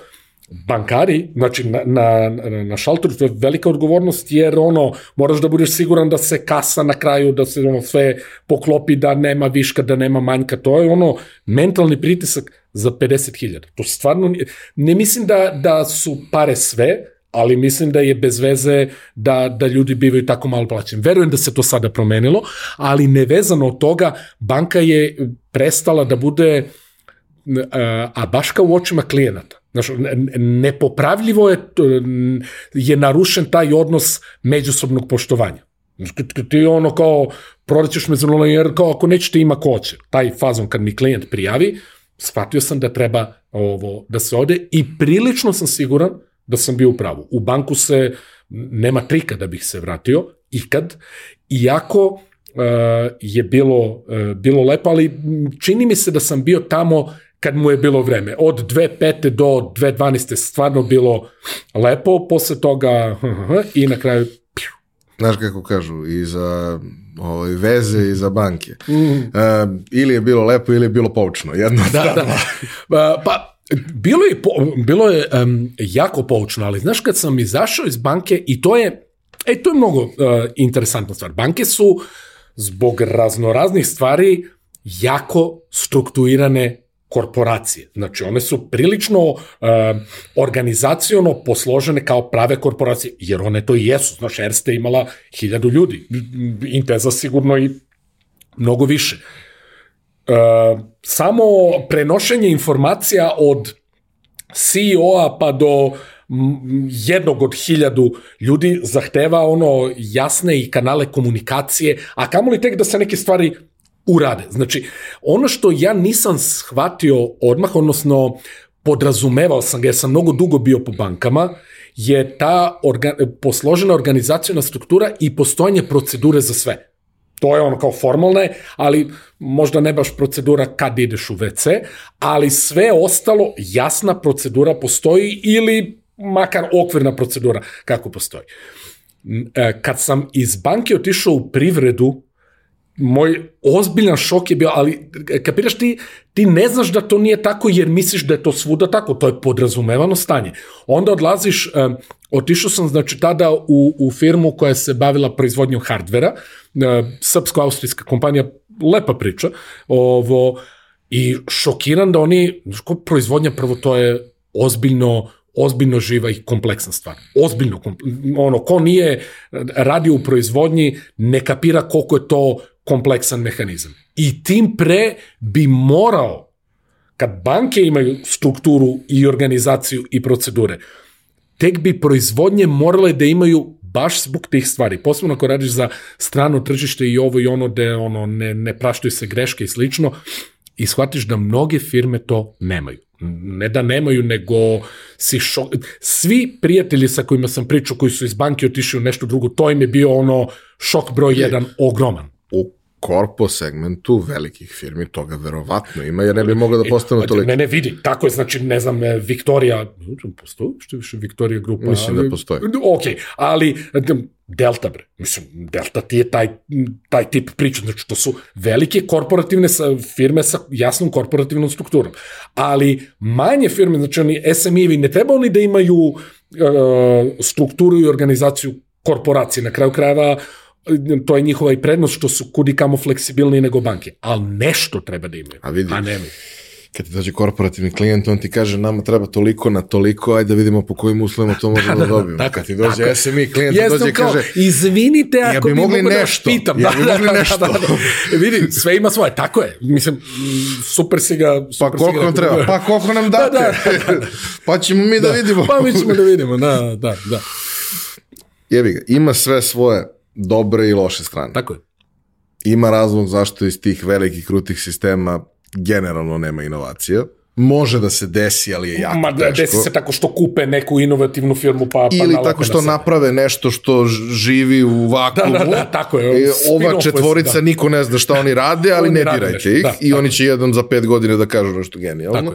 Ali kao, to je sve mimo sistema.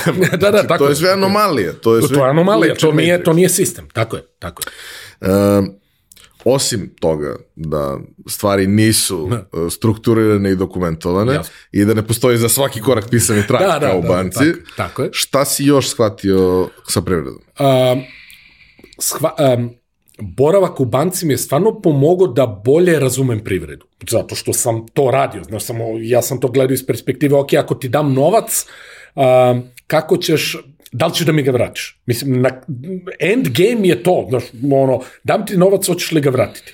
Ako vidim da nećeš, nije bitna kamata. Neću ti dati.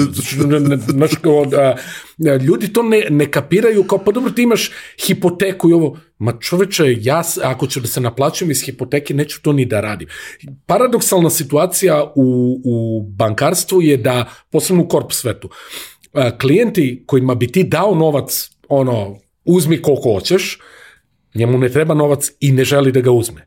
A onaj koji bi ga uzeo, ti ne želiš da mu daš jer kontaš da je previše rizično da ga, ovo, da mu daš jer nisi siguran da li će ti biti vraćan. Prelaskom u u, znači, to ono čime sam se bavio, bukvalno procenom, da li će ovaj čovjek da vrati novac na kraju dana.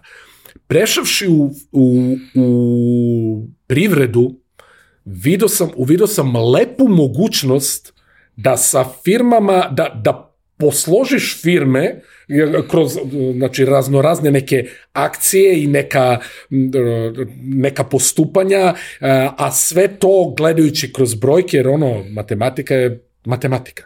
Nema tu ili jeste ili nije znači tautološki je upravo to. I ti, znači, bukvalno sa znanjima koje sam stekao u banci sam shvatio da mogu da pomažem firmama ili radiš u firmi, znači da prosto vidimo da li idemo u dobrom smeru.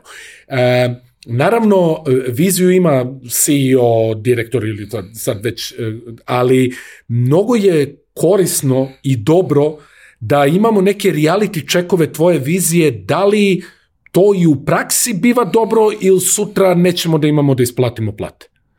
To je um, bivavši u banci iz skroz drugog razloga, tu je bilo ono kao da razumem da li će mi vratiš novac, a ovde sam samo kao obrnuo u to, ok, ajde da vidimo da ga napravimo, da budemo dobri da bi nam banke dale novac, ali nama neće trebati jer ono, najboljim klijentima, oni, najbolji klijenti uglavnom pregovaraju, ok, ako ti ostavim 2 miliona evra koji će mi dati depo, koji će mi dati kamatu, hoćeš ja tebi da pozajmim novac, taj fazor. Znaš, e, to znanje sam shvatio da mogu da primenim e, sa firmama, radivši u firmama, da, e, da njih dovodimo da budu, e, da budu stvarno ozbiljnije, finansijski jače i temeljnije organizacije. Da, da, I shvatio sam zašto je uloga ljudi u finansijama važna da prate i razumeju kud plovi ovaj brod, odnosno gde ovo preduzeće ide i da ono, sa svoje strane kontrolišu da li ćemo da se slupamo o, o nemam pojma, o, o neku ratu kredita ili šta već koje nam, koje nam dospeva sutra, jer nemamo da je platimo, jer čovječe, pa zaboravili smo da treba da je platimo. Taj, taj neki Mislim, razum. ima taj moment koji ono, često ljudi uh, ne podrazumevaju, a to je radili smo ovo na, odre, na određeni način 10 godina i ako je to do sad da, radilo, to, to će raditi i, dalje. i nadalje. Tako, tako I u mnogim slučajevima hoće ali imaš i, i taj moment da kako se ono, kako se proizvod i tok usložnjava, to više nije kupio sam za 100 i sutra sam prodao za 105 i 5 je profit.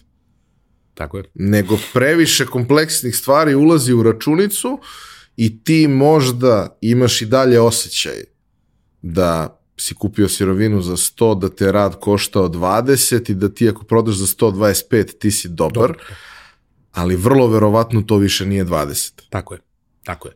I vrlo verovatno si ti u minusu ako ga prodaš za 125. Što i dalje možeš da uradiš, samo treba da budeš svestan da si u minusu. I da znaš, tako je, znajući da sam u minusu, onda ok, ovo radim zbog toga jer nekog momenta ću da se uplusim. Stvarno si ga super rekao, znači baš je to.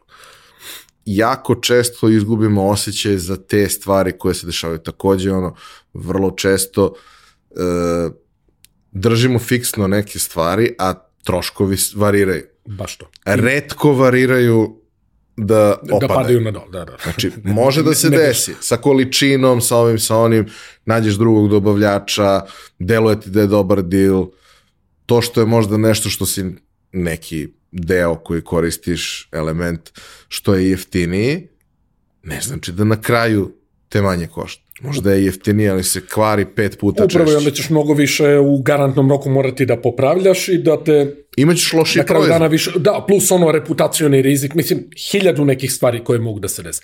Dobro je zato kroz prostu matematiku pokazivati gde smo mi trenutno. I to je ono što rade financije. Međutim, bivavši u ovoj proizvodnoj kompaniji, ja nisam, ja se nisam bavio financijama, zapravo sam bio biz dev, ovo, znači, prodavac, ali fakat su, sam ono, opet ono, nisam ginekolog, mogu da pogledam, povremeno bih bacio pogled ono na financije i shvatio šta je proizvodnja, koliko, ono, živ, koliko je to kompleksna stvar.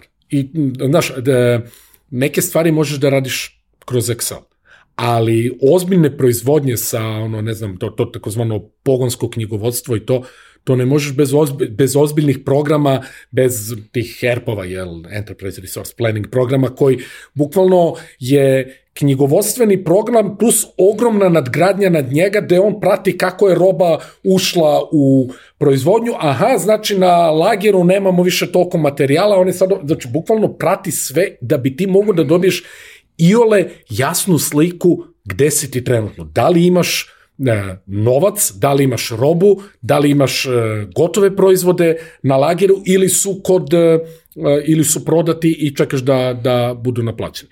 To je ozbiljno kompleksna stvar, ali, znaš kako, ako hoćeš da se baviš poslom, moraš da je imaš. Moraš da, moraš da vodiš mnogo više računa o tome. Ni Excel ti ne može lepo poći, odnosno može uz neka overkill programiranja, ali onda, znaš kao, na kraju dana zašto to radiš? Jedna od stvari o kojoj bih isto volao da pričamo jeste taj moment kada imaš zdravu firmu i dobru firmu koja je finansijski stabilna i solidna koja može da profitira zato što je finansijski stabilna i solidna. Odnosno, postoji određeni set stvari gde može da se napravi dodatni profit tako što ćeš na drugačiji način to da finansiraš. Tako što ćeš, ok, tebi je sve dobro i sve ok, ali ako uzmeš duplo više sirovine, napravit ćeš razliku od, ne znam, 10% u ceni, a ako nemaš novac za to, možeš da dobiješ kredit sa 3% kamate i ti si tu napravio neku razliku ok, nije to baš tako jednostavno. Treba ti ali, magacin, ali treba ti ovo, treba može ti se izmodelirati da upoređuješ dve brojke. To su luksuzni problemi. Da, da, da, slatko. Ali ako pričamo o tome, ovaj, jeli, kako funkcioniše tehnološka industrija i IT industrija, vrlo često ona funkcioniše tako što se niko ne bavi luksuznim problemima, gde može da se napravi dodatna razlika. Jer e, imam ja često to, to običaj da kažem, pošto, jeli, jesam u, u industriji, ali jesam i u ovoj drugoj, offline i sve ostalo. Ovo, to je jedna rečenica koju je svoje vremeno rekao jedan moj stariji prijatelj na račun toga koje su plate u IT-u, kako to sve ide, kako je u suštini na kraju dana u većini slučajeva to dogneš, prodaš. Jel? da, da, da. Bez obzira na sve da. koliko ga mi pakovali kao, brate, platio si radni sat 20, prodao si ga za 30, kao vrlo je jednostavno. Da, da, da. I njegova čuvena rečenica. E, deca, niste vi nikad radili u realnom sektoru. da, da, da, da. I to je ono što, da. što u suštini jeste tačno. Jer u realnom sektoru ti moraš da tražiš svaki, možda ne promil, ali svaki procenat je jako važan. Apsolutno. A ovde ništa nije važno, zato što je marža 70%, dok radi. ne postane sve važno. Uh, E, vidiš, to je, mnogo si to lepo uh, započeo tu temu, adresirao. To jeste, i tu je zapravo prostor koji ja vidim onim čime se bavim danas. Znaš, a, kao što sam je na Digitoku rekao, ja razum, imam do nekle mere, do, nekle, do, do neke mere razumevanje za IT industriju. A, znači, prosto ako ste imali troškove koji su x, a prihode koji su 6x, stvarno ti nije bitno šta unutra tog x.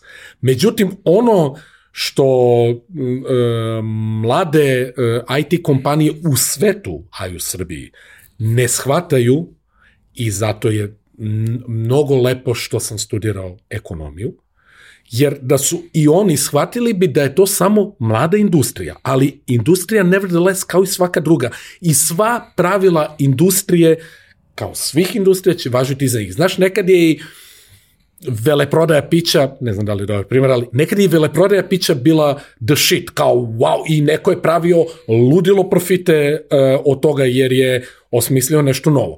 A onda drugi, treći, peti, 27. videli, čekaj bre, pa ovo mogu i ja, ovo mogu i ja, ovo mogu i šta se dešava? Tanji se margina, jer ima previše igrača, kao malo pre ono u banci, 37 ja, banaka. To... Posebno, hmm? posebno interesantan faktor koji uvek gubimo iz vida, jer ako gledamo rast naše IT industrije, ona je porasla na outsourcingu, užasno je jednostavan biznis model. E, jeste. Može polupismena osoba time da se bavi, u smislu Jeste. da vodi takvu firmu. Tako je. Nije baš tako Nije, jednostavno, sklasam. ali ne mora da budeš genije. Ne, ne, ne. Ne treba tako. ništa da razumeš. Dognaš, prodaš. Tako je. Da, Samo da, ne auto, ne, outsource, nego... Outsource je bukvalno to. Outsource stvarno jeste. I problem jeste to što može da ga radi svako što se relativno lako skalira, što je u suštini jedini issue koji ti tu imaš je Tako. nabavljanje posla. Jest. Ako imaš jednog ludaka koji to ume da radi, nebo je granica. Istina, ali pre ili kasnije i na što je um, ljudi, uh, mladi ljudi su, um, ajde ga kažem lepo, su popili tu žvaku uh, o iz, o svojoj izuzetnosti. Ne shvatavši da je to industrija kao i svaka druga. Ok, narednih 5 ili 10 ili 20 godina će biti dalje ta, ali će doći neka druga ili će se iz nje izroditi nešto drugo. Sva pravila ekonomije koja važe za bilo koju industriju, važe i za nju. Mi samo je pitanje u kojoj si trenutno fazi. Ti si u fazi nenormalne ekspanzije, ali nemoj da se zavaravaš da zato što se sve digitalizuje, da to znači da je ta industrija obrnula igricu iz što važi za druge industrije, za nju ne važi. To je industrija kao i svaka druga i nisi toliko izuzetan. I kad što pre ljudi razumeju da je tako, pametnije će se pozicionirati, jer mnogi neće, mnogi stvarno neće, i volim da verujem da firme koje su, koje su te zdrave kompanije koje sada razumeju da imaju višak sredstava i hod, da mogu da nađu načine da, da pametnije uh, uposle ta svoja sredstva, da će to i da rade.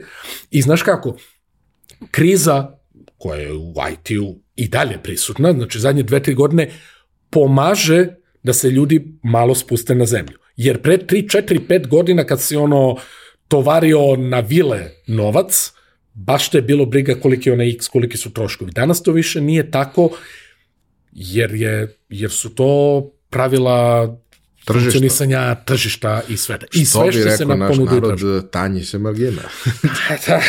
što bi rekli naši stari. Da, da. Ne, realno, realno jeste tako. Realno jeste tako. I onda je pitanje ko će to brže da, da razume, a ko će da misli, ma ne, to kao privremeno, evo, sa, evo sledećeg meseca ili, ili onog tamo meseca. Znaš, to je, to ja često vidim kao, uh, kao problem kod, kod firme. Ma, e, kao jeste pržimo pare, ali kao, ma proće to samo još ovog meseca i to tako iz meseca u mesec novac se prži, a posebno radiš ga na osjećaj, niko ti nije kvantifikovao. Znaš, da ti izbacim brojku, ti si ovog meseca spržio 38.000 evra.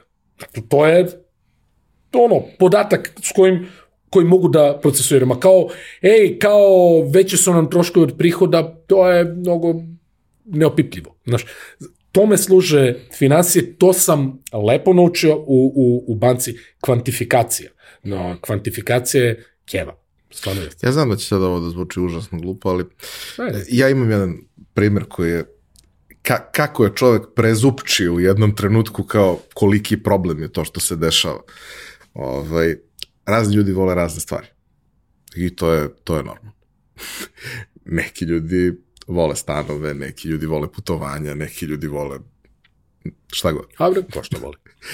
I sad taj primjer, 38.000 evra. Kao, ti si svestan da si izgubio ovog mesta 38.000 evra. Kao, pa dobro. To ti je tri polovne oktavije. Jao, za srce si me... Jer kao, da, to je to. Tako je, da, da, treba ga svesti na ono, ono, ok, ako ti 38.000 ne znači... Mislim, većini da, ljudi 38.000 e, ono, inženjera je sasvim dovoljno. Da, jasno, jasno, ali... Ali u nekim slučajevima to je to kao... Prevedi mi ga u moju jedinicu mere. Oktavija. Koji je znači, super. Ili u gajbama piva, ili da, da, dobro, tepsijama bureka, šta god. Da. Znaš, kao. Ali jednostavno, ono, Big Mac Index. E, znaš, kao to. E, ti znaš, Big Mac Index je znači krenuo kao, kao zezanje ovo, ali je... ali, je, mislim da ga je Financial Times ili Times ili tako nekoga ono kao zezanja radi upotrebio, ali on ima svog smisla, da, da ljudi razumeju u opipljivim vrednostima, plus on je posle iskorišćen da bi zapravo pokazao drugu stvar. On pokazuje to ono kao Nemačka ima e, BDP po glavi stanovnika je četvrta na svetu, a Rusija je recimo 26, lupam brojku, međutim po Big Mac indeksu uh, Rusi su bezmalo odmah iza, iza Nemačke, odnosno za, za taj novac koji ti imaš šta ti stvarno možeš da kupiš u svojoj zemlji. Znaš, tako da, interesantan fora, Big Mac Index baš lepo što Pa ne, to je ono što je sad glavna tema na, na svim slavama prethodnih dve godine. Ove, zbog, zbog cele situacije sa inflacijom na, i tržištem rada i tako dalje, naravno da su svima porasle plate. Tako je. I problem je što taj koji je imao 45.000 pre 3 godine i sada ima 75, Da, da, ne kapira da za tih 75 ne može da kupi ni blizu ono što je mogao za 45. Tako je. I to je inflacija. Jer ljudi ne razumeju. Ljudi razumeju onaj prvi korak najčešće. A ne razumeju zato što im niko nikad nije objasnio na koji način da to mere. Oni samo shvataju da im fali para. Da, i kao, ne znam odakle, kao, ma čoveče, ne- ništa nisam promenio svoj stil života, a imam manje para, a nemam, imam više bre, znaš, podigli mi, Vučić mi digao platu, 75.000, znaš, taj fazon, taj, ali to je. Dobro, sad se stabilizovalo malo sa cenama, uglavnom sve, ali u jednom E, jeste. periodu je bilo izuzetno volatilno. I sad kao, znaš, ljudi kažu, pa dobro, znaš, ali kao, ti ne znaš koliko šta košta u prodavnici. Ne znam. Tako. Ali ja imam dve firme koje se bave namirnicama na jedan ili na drugi način. Ja kroz njih to vidim. Ja ne kupujem u prodavnici jer živim sam. Ali ja tačno znam koliko šta košta. I znam da je razlika u ceni mesa značajna, znam da je razlika u ceni mleka drugih i- stvari još više, jer se neko postarao da se meso ipak malo subvencioniše i iskontroliše. Tako je. Ali to ne znam, kao smrznuti pomfrit je otišao 40% za mesec dana. Tako je. To je Mislim- drastična razlika. Jeste. Ali dobro, ovaj, bottom line je, um, ti si završio u privredi, tehnološkim kompanijama i kasnije u klasičnom IT-u i sada se u principu najviše baviš Da, da, tu, baš time. i uh, pokušavaš da uh, veselim IT-evcima objasniš šta je to što ne vide, a ne vide zato što ne gledaju, a ne gledaju zato što im nije prirodno jer uopšte ne znaju da tako nešto postoji. Možda ga nešto intuitivno osjećaju, ali ne da bi se bavili previše time. Tako je, tako je. bilo je previše jednostavno, funkcionisalo je po defaultu, nisi mogao da promašiš da si u profitu jer je marža si bila profitu, takva da, si da, u tako profitu. E sad se naravno stvari drastično komplikuju. E, šta je ono što, što si ti iz uh, iskustva sa, sa Neopixom, Nenad je isto bio u podcastu, Da, prijatelji smo 100 godina, sve to. ma, Firma ima- je divna, ljudi su divni, proizvod je ja sam fantastičan. ono, stvarno tri godine jednog predivnog života, stvarno. Šta su specifičnosti bile jedne takve kompanije u odnosu na ovu koja je imala realan, bila iz realnog sektora, samo se bavila tehnologijom. Ja, jeste. Kako je, koliko je to bilo različito? Dosta. Prvo vode je mlađi ljudi i to pravi veliku razliku.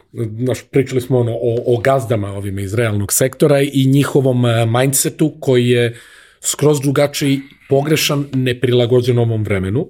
Imaš mlade ljude koji, eh, koji su ono digital native skroz, sa svim prednostima, ali i nekim nedostacima gde prosto misliš da taj trip izuzetnosti, znači to je sve kao to ćemo da rešimo, software će to da reši. Znaš. E, Znaju da postoji Excel, ali ga isto ne koriste. Pa, ono, kao to je smaračina program. A nije, Excel je stvarno... No, no, Na Excelu Nobel- počeva svetska ekonomija. Ne, Pa, pa bukvalno, znaš kao stvarno Nobelovu nagradu da daju, ba je, ok, nije Excel prvi, valjda onaj Lotus, vidi, Jeste. koji god. Ovo, nije ni važno. A, ono što je, dakle, opet firma sa izuzetnom klijentelom, ne samo, ma, pričam generalno o, o, znači, o mladim IT kompanijama. Radiš sa sjajnim firmama, radiš dobar posao a, na mnogo jednom profesionalnom nivou. Stvarno na profesionalnom nivou i taj deo je odličan i taj deo puno, puno znači e, i, i tebi kao firmi prosto se i ti brušiš u jednom pravcu profesionalnosti. I to je stvarno dobra stvar. Ali ono što je što si sam pomenuo što je meni šok je mislim da sam to tamo pre jedno tri sata kad smo krenuli da pričamo i pomenuo onaj stub financije ne baviš se dovoljno njime jer misliš da je kao da je sve okej i da Nema nema, razloga nema nema potrebe da su kao to je to je sve to je sve okej. I kad je okej znaj koliko je okej pa ono, ili ćeš da sad, ono, izazivaš sebe, ajde sledeće godine da ga radim još, ako ti je to kao drive, jel, kao ja sad hoću da uđem na Forbesovu listu ili, ili šta već, a s druge strane, da zaista razumeš šta ti se, da kvantifikujemo šta se dešava u kompaniji. To je neobično važna stvar I firme, ono, da, da ne preterujem, nije da se ne bave, ali e, realno ono što ja vidim je da se ne bave dovoljno time. Na primer, e, nešto što je u ajde i u banci, ali i u, i u bilo kojoj drugoj o, kako biše, realnom sektoru, a, a malo veće firmi a, obavezno je budžetiranje. To je, o tome sam pričao na, na, na Digitoku. Ako ništa drugo ti kažeš šta očekuješ da bude sledeća godina? Ja, ja očekujem da sledeće godine kupim Ferrari. Ok, on košta toliko, znači treba da zaradim toliko para. Ili ja očekujem da kupim novi stan, ili da ili da zaposlim još 10 ljudi. Ajde da od toga napravimo, da vidimo kako to izgleda u brojkama. Kada to imamo u brojkama, kada razumemo koliko to košta, lako ćemo da definišemo koliko mi toga treba da prodamo, jer prodaja je u dobroj meri osnova većine biznisa. Znaš, ako nemaš prodaju toga što prodeš, bio to proizvod, usluga ili šta već, nećeš baš mnogo dugo poživjeti. Znači, da razumemo, ako su troškovi ti i ciljevi ti, kolika prodaja treba da bude. Ako to imamo, Pa to je već jedan simpatičan KPI za, za ljude koji se bave prodajom. Ako ništa drugo, barem da kažem svojim prodavcima, vidite, ja sledeće godine hoću Ferrari da vozim, prema tome svako da mi namakne po 150.000 evra mesečno. Karikiram, ali manje više se ovo svodi na to. Kad imaš postavljene budžete, onda može, mislim, kapiram, pričam isto što sam pričao na Digitoku, ali prosto je, nije kvantna fizika, ja ne, ne želim sad da pričamo o nekoj ne znam koliko naprednoj ekonomiji ne znam i o marginalnim troškovima i ovom i onome. Ajde da posložimo ono bazično. Kada definišemo kako mesec bi trebalo da izgleda, onda ajde na kraju svakog meseca da preklopimo i vidimo ovo smo planirali, ovo je bilo i onda vidimo da li smo dobri, ono, semafor fazon, crveno, zeleno, crveno, žuto, znači dobri smo zeleno, nismo dobri crveno, dešava se, naravno da se dešava, mislim, živi je biznis, ali barem da razumemo zašto se desio. Da vidimo koliko je crveno ili zeleno. To, to, da, da, da ono kao rozikasto ili, brate, ono, Ferrari crvena, eto i šta je. Ovo, ako jeste, šta ćemo da radimo oko toga? A ne da dođemo u situaciju da kad smo ispržili, kako rekli smo, 35.000 mesečno, 35.000 mesečno su tri polovne oktavije. Ali 10 meseci, to je 30 oktavije, to je 350.000. Možda mom prijatelju, aj, kao oktavija ga je trigerovala. Ali e, ono što viđam, i stvarno viđam, je da firme iz kogod razloga, bilo što se ne bave, bilo što misle ono, bit će bolje ili šta već, ili koji god razlog bio, puštaju da se ti troškovi kaleme, kaleme, kaleme, da bi na kraju to stvarno eksplodiralo do nivoa, pa mi nemamo ove pare. To se u... I, i onda, ono što je trebalo da uradiš ranije, to sad ružno zvuči, ali ljudi u, pred, u, u biznisu ste, mislim, to ono, a, ono što kažu, ako hoćeš da, ono, da, da, da svi budu srećni, onda prodaj sladoled, znači ne prodaješ sladoled, nego prodeš šta već prodeš, Ako nema, e, ako nema dovoljno posla, neko će morati da ide. To su teške odluke i naravno postoji ta IT aura, no, no, peace, love and happiness, ali na kraju dana biznis ste kao i svaki drugi. Tanje se margine, što rekao kolega Minić, znači moramo da radimo nešto povodom toga. Sad, a ne za 10 meseci. Ako kvantifikujemo, znaćemo da je sad to i ako narednih 10 meseci ništa ne radimo, pa ili smo ludi ili imamo neki plan. Znaš, ali daj barem da znamo da je, da je to tako. Tome služe finansije. I firma koja to nema, prilično baulja u mraku i nema pojma ovo e, šta radi i onda svaka stvar može da je iznenadi. Ne dok su margine mnogo uh, raskošne, ali nisu ni više toliko raskošne. Naravno da nisu. Uh, I posla više nema onoliko koliko ga je bilo da se otimaš. Tako je. Ovaj, ne, nego da, da ga odbiješ kao, ne, to, kao, ne. Nego je sad to, ne, nego se da vidimo da li možemo da preteknemo. Pa to, to, to. I kao, pa dobro, evo daću ti i diskount. Znači, ono, banke, uh, 37 banaka, taj, nismo dotle došli, ali IT industrija nije toliko izuzetna da joj se ovo neće desiti pre ili kasnije. Desit će se i već je počelo da se dešava. Ako si pametan, shvataš da e, ok, reality check, znam šta treba da radim, ako ne, pa čoveče fantaziraj da ćeš nastaviti da ono imaš 300, 400, 700 i 1000 posto profita. Ok. E, još jedna tema ovaj, koju hoću da, da, da obradimo, koju hoću da se dotaknemo, jer smo ti i ja pričali o tome više puta. To je tema koja se negde bavi ličnim aspektom svega ovo. Jedna stvar je šta će ti da radiš sa firmom, ali na kraju dana ti tu firmu imaš da bi ti na kraju od toga nešto imao, šta radiš sa tim što imaš. Znači, jedna stvar je, dobro, imaš 22 godine i imaš para i željan si svega, super, brate uradi šta si hteo da uradiš, do 25. završi sa tim, onda počinje život. I mnogo je glupo da ako to sad sve nešto imaš, da nemaš rešena životna pitanja i u periodu dok ti sve to ide kako treba. Ja znam mnogo ljudi, sad to nije merilo nikako, posebno u nekom, nekim drugim zemljama to svakako nije merilo, kod nas može i da bude na neki način. Kao ja znam mnogo ljudi koji recimo imaju 45 godina, 20 godina imaju odličan posao i odličnu platu i IT-evci sve ostalo i dalje nemaju svoj stan. I nemaju neku značajnu ušteđevinu. Znači, a ne mogu ni da kažem da su proživeli nešto wow, pa kao, brate, bilo je vredno. Da, znači, kao, da, da, da. O, kad da. vidiš da, šta je prošlo, šta je radio, kažeš, da, ja, nek ti je, sve, okay. da, da, ne moraš da imaš ništa, brate, to što a, ti to, imaš, ono, vredi ja neću za hiljadu života, da, da, da, tako.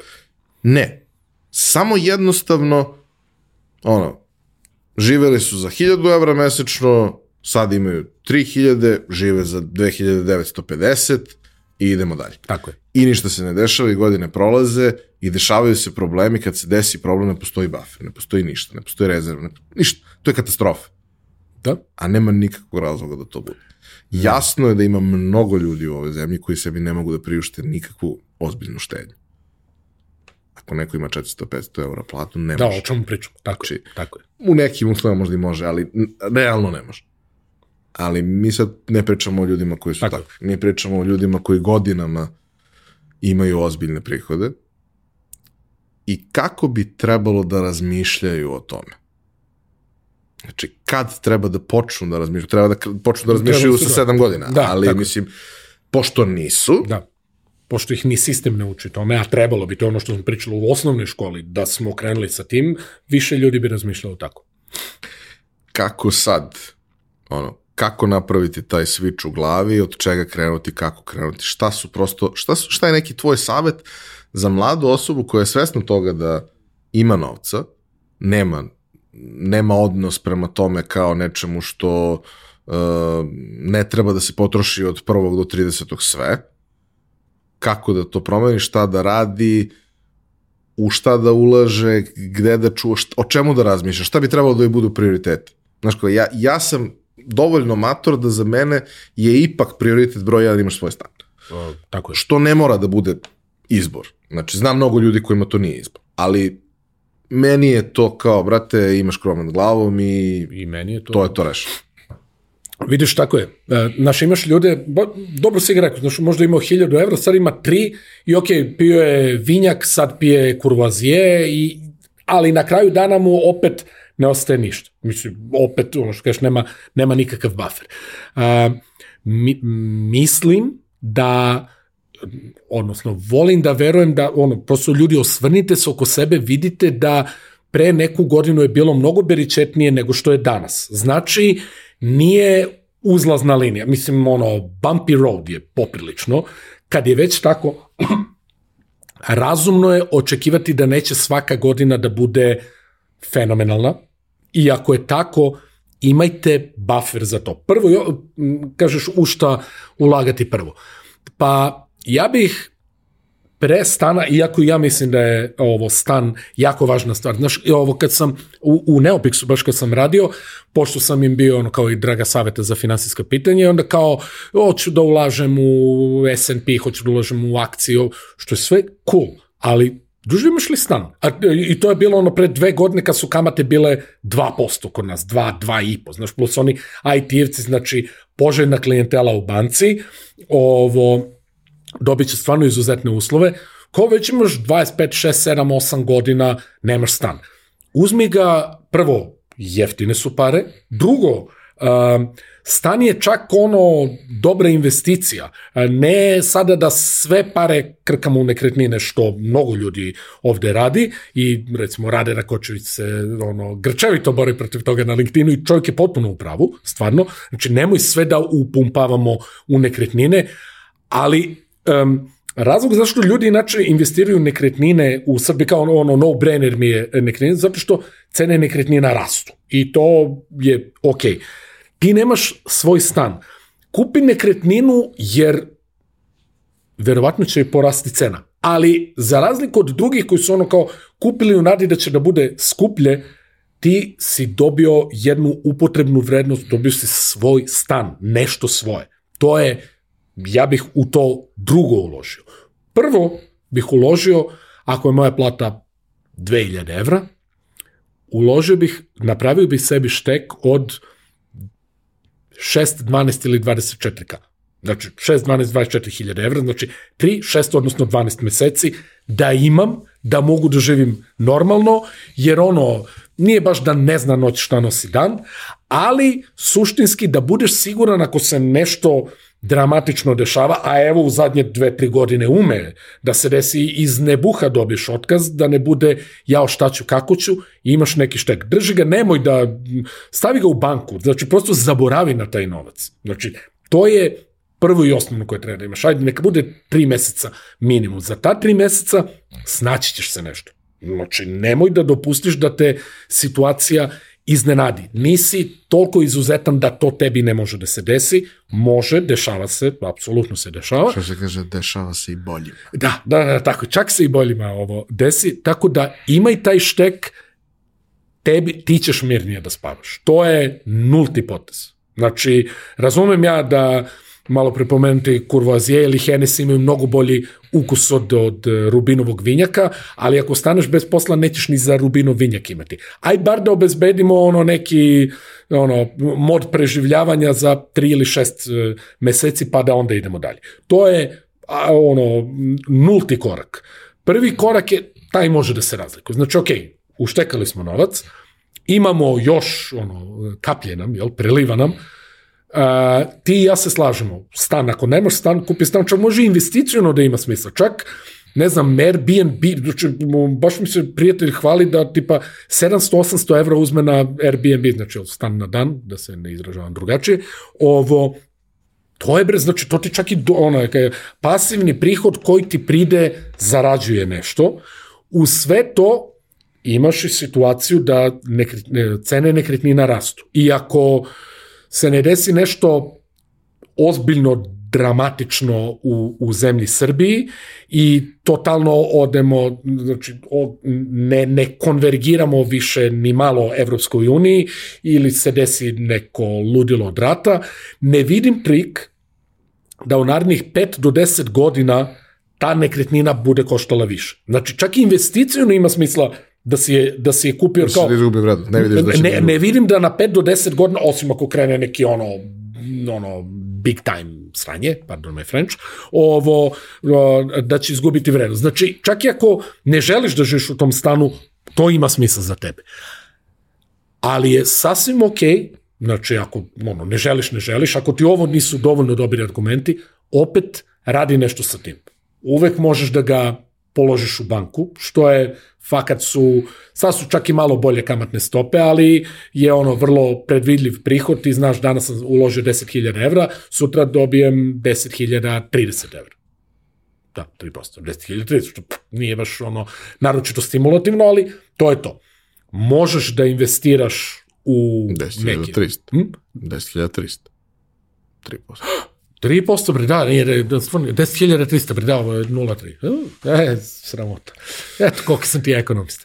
Ovo, a, dakle, svakako postoje i raznorazne druge opcije. Postoje, ima, ima sa stvarno i interesantnih ovako IT-evcima vrlo prijemčivih ovih stvari. Ima tip ovaj Walnut Fund, ima, imaš onaj FinSpot, imaš te, da kažemo, različite alternativne ovo uh, vidove investiranja uvek postoji investiranje na berzi. Mislim, ja se njime fakat bavim još od doba prokredita, jer me je tadašnji direktor napalio na priču pete, ali ta sam investirao na domaćoj berzi Belex i to je, malo sam degresirao, ali ovo to je jedna priča sa teškim krajem i ogromnim gubitkom 2008. 9. Jedno, ma nije ni bitno koliko, puno para. Ovo, tako da, da, ta sam shvatio da postoje ozbiljni rizici ovo plasiranja na berzi. Ali, s druge strane, sam shvatio da srpska berza nije mesto gde treba zapravo plasirati. Ne, nije, to si stvarno dobro rekao. Nije berza mesto gde ti sa 50.000, znači ti si ladno mogao 2006. 7. 8. sa 50.000 evra, što su kikiriki para iz perspektive jedne berze, da ulažeš, ako ne tipa ove najlikvidnije akcije tipa AIK i tako, ali u neku, ma, na primer, što dođe ovo sad mi nijedna ne pada, ali tamo neke, recimo u Vojvodini neki kombinati ili tako nešto, neki agrokop, agrikop, tako nešto. Ti si sa 50.000 mogu da mrdaš tržište. Znači, to je tržište toliko plitko da je super podložno špekulacijama i ne želiš to da radiš. Ja, to, to, ono, ne pitaj me kako znam. Ali, e, ali sam e, shvatio da postoji druge berze gde su stvari kudi kamo razumnije. Ima i tamo špekulacija, ali postoji relativno, relativno bezbedni plasmani koliko plasmani mogu da budu bezbedni na berzi. Znači, nisu, to nije, sad, e, S&P je nešto, znači to je taj jel, američki indeks 500 najvećih akcija i ljudi u to dosta vole da ulože, što meni stvarno skoro ok za početnika, idealna priča. Međutim, ono što primećujem kod ljudi, kod ljudi sa kojima se savjetujemo oko toga, ej pa dobro, U zadnje tri godine e, S&P je rasao 17%, znači 100.000, e, ima jedna dobra fora koja se zove pravilo 72. Ako hoćeš da vidiš za koje vreme će da ti se duplira novac, podeliš 72, otprilike, aproksimativno, ali prilično tačno. 72 sa brojem, sa kamatom koju ti imaš i vidiš za koje vreme se duplira. Znači, ako 72 podeliš sa 10, znači, ako ti je prinos 10%, za 7 godina će ti se e, ovo duplirati, duplirati investirana, investirana sredstva ako reinvestiraš kamati. I sad, ali uh, prijatelj, pre neki dan, kaže, ok, evo gledam kao, počeo znači da investira pre mesec dana. Zadnje tri godine, znači 17% su bili prinosi, aha, za šest godina otprilike imam 300.000 evra. Čoveče, ne. Jel stvarno misliš da, jel stvarno misliš da, da to uvek bude tako? Ako hoćeš tako da gledaš, gledaj prosečan od uh, prosečan ono rast uh, S&P-a od 29. do do danas, koji je otprilike desetak posto. Da. Što je, čak nije ni deset, nego ako ga ono prilagodiš za, za inflaciju, dođe oko sedam, što je super. Ali, znaš kako, to je od 29. do, do sada. Po pravilu, bar se meni dešavalo, vrlo često kad ja uđem u neku akciju, pošto no, ta akcija sutradan padne, To će vrlo vjerojatno da je neki Marfijev zakon skriveni koji postoji, vrlo realno je da se desi da znači dođu loše godine. Na kraju krajeva je kao u šta, se, u, u šta ti to ulažeš? Jesi siguran da izraelsko-palestinski rat neće da zahvati ceo Bliski istok. I jesi siguran da Kina i Amerika neće da zarate oko Tajvana i hiljadu nekih drugih stvari. Ne znači da sada ono kao dobro idem ja u banku 3% kod to mi sigurica, ne, ali moraš da razumeš i da procenjuješ rizike. To je ono, zato ovo sad kad me pitaš da kažem investiraj i investirati u berzu, ovoliki disclaimer, jer stvarno uh, vidim i dan danas, znaš, 2005. 6. 7. berza je bila u povoju i mali broj ljudi se, se njome bavi. Ona je, posebno američka, je danas u solidnoj meri demokratizovana u smislu da ako se malo potrudiš, možeš to da radiš. I mislio sam da se ljudi mnogo bolje obrazuju i, razumeju više u šta ulaze. A zapravo ne, ako sam i, i imao drugačije razmišljenja, razmišljenje mog prijatelja od pre par dana, koji je ono super bister lik i sve to mi pokazuje da to nije tako. Na kraju krajeva, ti kad pogledaš šta najviše, šta, čega ima najviše u ovoj zemlji, šta najviše, najviše raste? Kladionice, bre duže. Kladionice, znači, ta ideja brz dobitak, ono kao mm, tiket, ono, kvota 27 i kao uh, zaradim novac. Znači, zato sam, mm, sam mnogo opreza, kažem, može da se investira na berzi. Može, ali ne dok ne razumeš šta to tačno radiš. Znači, berza nije, to je prosečno 10%, znači, evo, ja ću ono, narednih pet godina, svake godine po 10% da dobijem. Garantujem ti da nećeš. Neće se tako desiti. Ali bi u principu na periodu 10 ili 15 godina to otprilike trebalo da bude tako. Treba, može da bude treba, malo gore, a, može da bude Naravno, malo a, a, tako je. E, s tim što, a, od e, čini mi se, nisam potpuno siguran, ali recimo, ljudi koji su investirali u doba velike depresije 29. godine, ne verujem da su se, koji su ono baš zaboli onaj najgori moment, jer su mislili ono kao uh, bit će bolje, bojim se da su tek tamo 50. godina uspeli da povrate uh, tajno. Znaš što ono kao, ja jedem uh, kupus, ti jedeš meso, u proseku mi jedemo sarmu.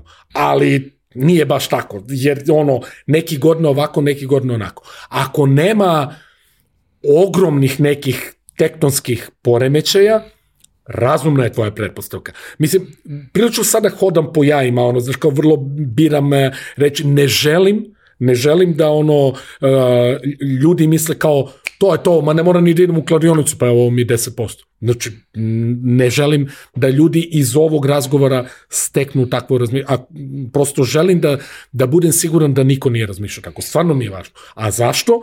Zato što sam, uh, ima barem petoro ljudi koji su, o, koji, pričali smo ti i ja o tome, koji su od prijatelja napravio poznanike, Z, zašto? Zato što kao, ej, kao, aj ti kao to igraš se na berzi, ti petljaš, ajde, uradi to i za mene. I ako po dobro važi, ajde, hoću i zapravo što sam kupovao za sebe, kupovao sam i za tu osobu i desilo se to što se desilo. I znači, kao, on, on me kaže, nisi ti kriv, ali ja vidim da on smatra da jesam. Znači, ono, moramo, nije bez rizika. Daleko je od bez rizika. Ali... Postoje više i manje rizične stvari. Tako je. Znaš, ako ulažeš u kripto, ovo, to je rizičnije. To je rizičnije. Znači, ako ulažeš u akcije neke kompanije. To je rizičnije nego ako ulažeš u, u akcije znači fondova koji, na primer, kupivši akcije ovog fonda, ti ima, ti, to je isto kao da si kupio tri Alibaba, četiri Microsofta, sedam Apple-a, jednog Teslu, tri Shell-a, dva Procter Gamble, znači jedno, jedan miks Berkshire svega toga. Da, da, da. O, ali e, neko drugi se time bavi. Portfolio menadžeri se bave time tu nećeš imati eksplozivne rastove tipa Nvidia sa 120 na 700, ali nećeš imati ni eksplozivne padove uh, Beogradska berza, ja, ja primer, znači to se dobro sećam, BIP, Beogradska industrija piva, kupuje ih Heineken, 600 kinti plaća, ma nije frka, znaš kad ih kupi Heineken, to, niti ih je Heineken kupio, niti Bože daj, uh, kupili su ih neki Litvanci, neki sirotani, neka krš priča, tu posle su se peglali, da li oni mogu da uh, ruše ono objekat, da li ne mogu, znači, izašao sam, jer sve sam mislio, ok, danas će, sutra će, danas će, sutra će, na 20. 600 dinara po akciji, 20 dinara po akciji. Znači, to je 95 plus posto gubitka. Tako da, to je takođe berza. Nije samo ono, works both ways. E zato su ETF-ovi bolji, jer se sve, da kažemo, ponderiše, i plus, neko ko ima mnogo više iskustva, se time bavi da ti ne bi morao. Znaš, u Americi svi investiraju iz prostog razloga što im je sistem postavljen tako da uh, ti uglavnom dobiješ ono što se kod nas zove bruto 2 plata, imaš neke minimalne odbitke, ali veliki većino, bru, veliku većinu bruto plate se pretvori u tvoju neto platu, zato što se očekuje da ti investiraš, da ti platiš svoje socijalno osiguranje, zdravstveno osiguranje i penziono. I zato je sistem postavljen, tako tu ima i raznih poreskih e, olakšica i beneficija ako, ako kupuješ e, akcije ili obveznice i slično. Zato Amerikanci u velikoj meri investiraju, imaju, imaju kulturu investiranja jer ih i sistem je postavljen da ih tera da, da to rade. Mi Srbi ne da nemamo kulturu investiranja, nego nemamo i zato moramo da budemo mnogo oprezni. Zato mislim da su ETF-ovi bolje rešenje, a, mnogo bolje rešenje, posebno za prvih šest meseci godinu dana. Stvarno jesu. Ja sam sa dosta ljudi pričao i jeste to tema koja se sve veše pokreće i oni kojima verujem, kao što i sa tobom pričam, uglavnom pričaju o tome da gro novca treba staviti u te relativno sigurne stvari. Znači, u rizik uvek postoji, naravno, ali neće Apple propasti preko noći, neće Microsoft propasti Vidjet ćeš da se to zbiva, ono prosto. Neće Meta, neće Google propasti preko noći i to je to. Može da izgubi na vrednosti, pa će to vredeti manje, ali neće vredeti nul. Tako je. I ti imaš neko vreme da reaguješ. Apsolutno, ništa se ne desi preko noći. Ali ukoliko izabereš kompaniju, ono, 70% staviš u sigurne stvari, 30% se igraš sa nečemu šta, na šta se suštinski kladiš. Da, to je, to je više klađenje, tako je. Tako je. Ja znam nekoliko ljudi koji uspešno žive od kladionice godina. Nikad ne igraju tiketa sa 40 parova. Ne, naravno, to je ludnica. A mislim Nikada... baš, kladi, on baš klađa, klađa pa da, tipa znaš, Juventus. Klade se na stvari koje su relativno izvesne. Klade se sa relativno malim dobicima, ali, ali od četiri kintu. tiketa prođu sigurno dva. Da, da, da. I ne znam, ako je, da banalizujemo, 100 evra po tiketu, njihov dobitak na dva tiketa bude 500.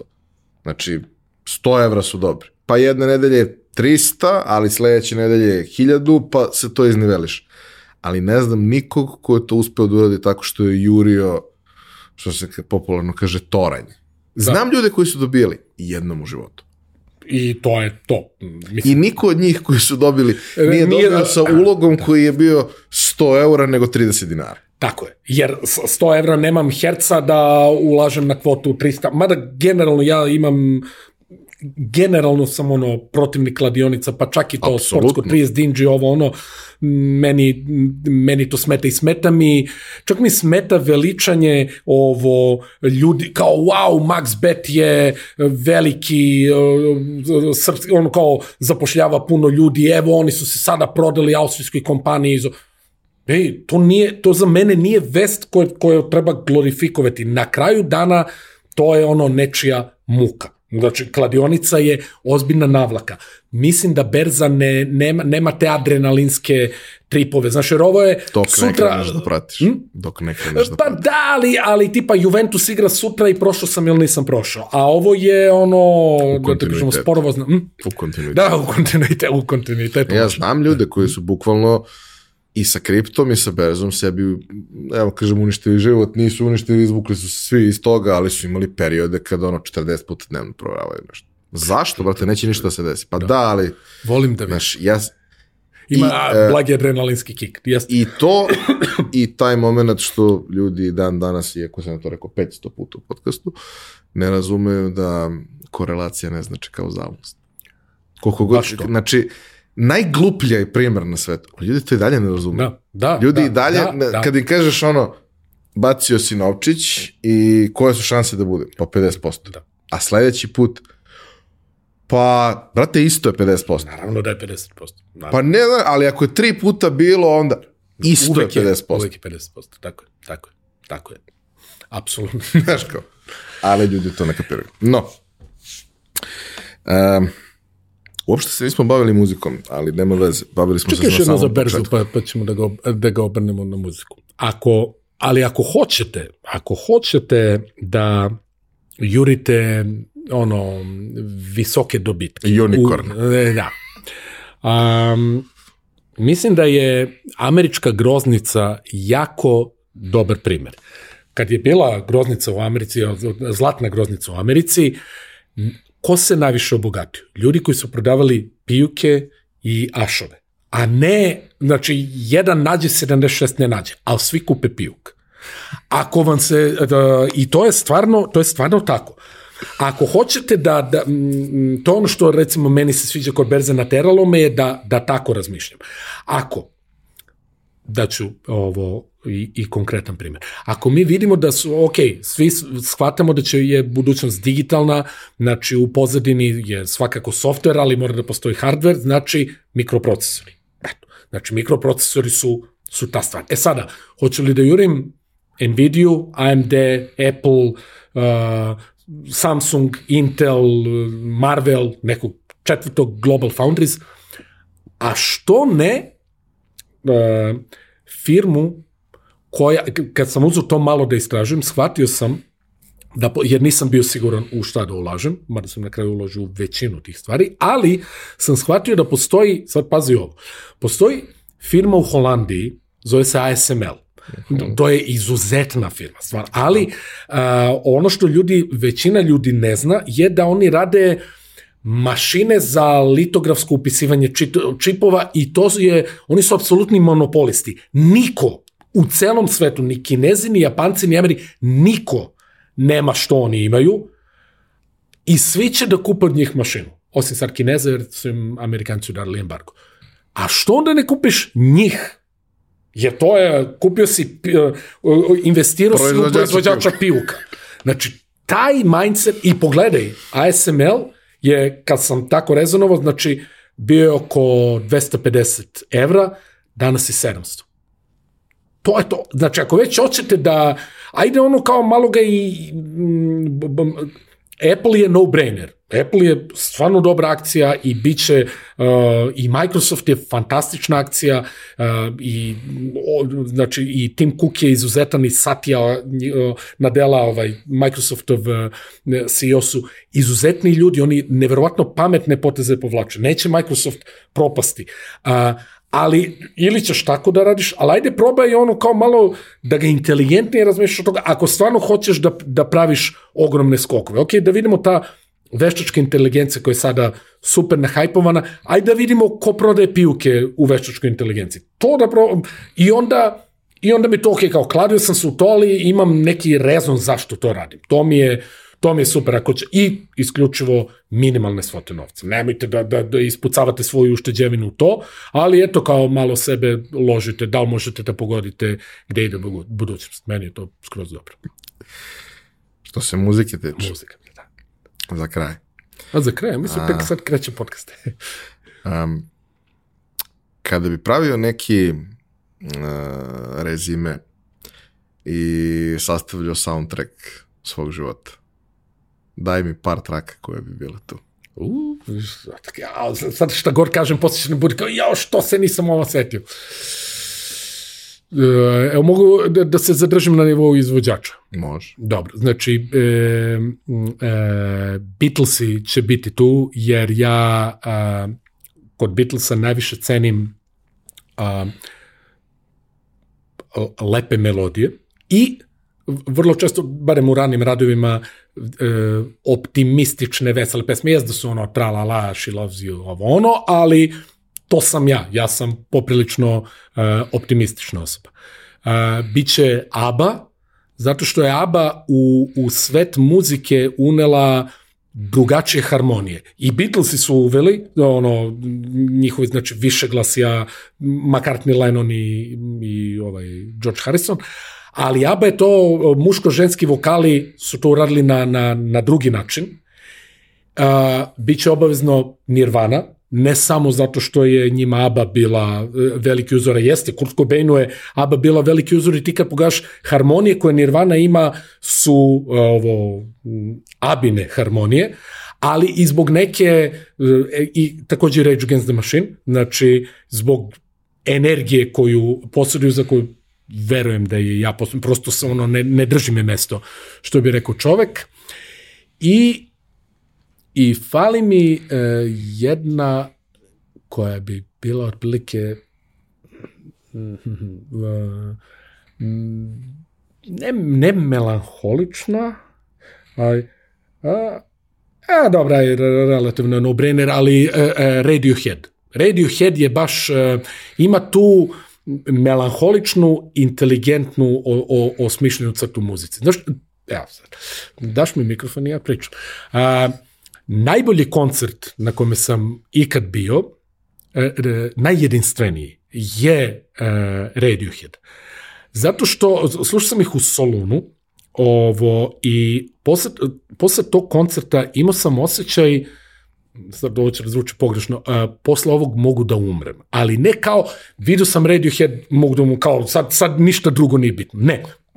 osjećaj jedne tupe melanholije, kao, otprilike pro, prelazim ulicu i kao nisam ni pogledao da li, da li su, da li kola nailazi ili ne, ali kao zar je bitno? Ali na jedan uzvišen način, ne, ne uh, suicidni, ne, ne mra, mislim, kapiram kao da čovječe, da u, ne znači ti da si živio mrtav i pričaš da, da nije mračno. Jeste, ali ako je umetnost iskazivanje emocija, a posebno to je onaj ko, ko se bavi umetnošću, ali je još veća umetnost kada kod mene koji primam to što si e, e, tvoje izražavanje, ako kod mene izaziva emociju koja uopšte ne mora da, da, da, da bude e, identična sa onim što je pisac hteo da kaže. Ali ako ti svojim delom uspeš da izvučeš neku emociju iz mene, to je meni umetnost. E, malo pre rekao smo Beatles, ja sam vesela, pozitivna, šaljiva osoba. U Radioheadov koncert je kod mene izvukao osjećaj koji nisam ni znao da posjeduje. Znači, uopšte ne ide uz moj karakter. Mislim da je to ozbiljno vrhunska umetnost. A možda sam samo bio pijan. Šalim se, nisam bio. Dobro, sledeći put, ovaj, kad će se desiti tako nešto, ipak pogledaj. Na, da, da, ne, ne, hoću, hoću, da. Levo pa desno, da. Hvala ti puno. Prvo, hvala ti puno što, što si pričao u Nišu i što pričamo često i što pišeš za projekat naša mreža neke stvari koje mislimo da su važne da se ljudima objasne na jedan normalan i prijemčiv način, jer jedna od užasnih stvari sa pravom knjigovodstvom, finansijama i svim tim ozbiljnim delatnostima je što ih ljudi dodatno mistifikuju da bi delovalo još ozbiljnije, a nema potrebe za tim. Tako je. I hvala ti što si bio, što smo ispričali ovu priču. Ja nisam snimao par nedelja i potpuno sam ono wow tu i mnogo je važno kad tako treba ponovo da se vratiš u ritam, da to uradiš sa nekim ko ti je prijatelj, s kim ti je svakako prijatno da pričaš. Tako da mnogo nismo ovo mogli bez mikrofona. Da, mnogo ti hvala, stvarno ja sam baš ono, mislim ja sam ti rekao daš mi mikrofon i pričam, ali baš sam ono, stvarno ti hvala, me, baš je veliko uživanje i aj to ću ti kažem posle, da ne bude ti meni srde, ja ti bi Vojvoda. Nešto ću da ga hvalim. Hvala vama što ste nas slušali, nadam se da vam je bilo interesantno. Um, naći ćete ga lako na društvenim mrežama i na LinkedInu. Ovaj, sva pitanja, komentare imate za to polje na YouTube-u, a mi se vidimo ponovo naredne nedelje. Realizacija pojačalo podcasta ne bi bilo moguće bez naših izuzetnih partnera. Kompanije Epson, koja je vodeći svetski proizvođač projektora i štampača za sve namene, i kompanije Orion Telekom, provajdera najbrže internet infrastrukture u Srbiji sa preko 30 godina iskustva. Više informacija o njima i njihovoj ponudi pronaćete u opisu epizode.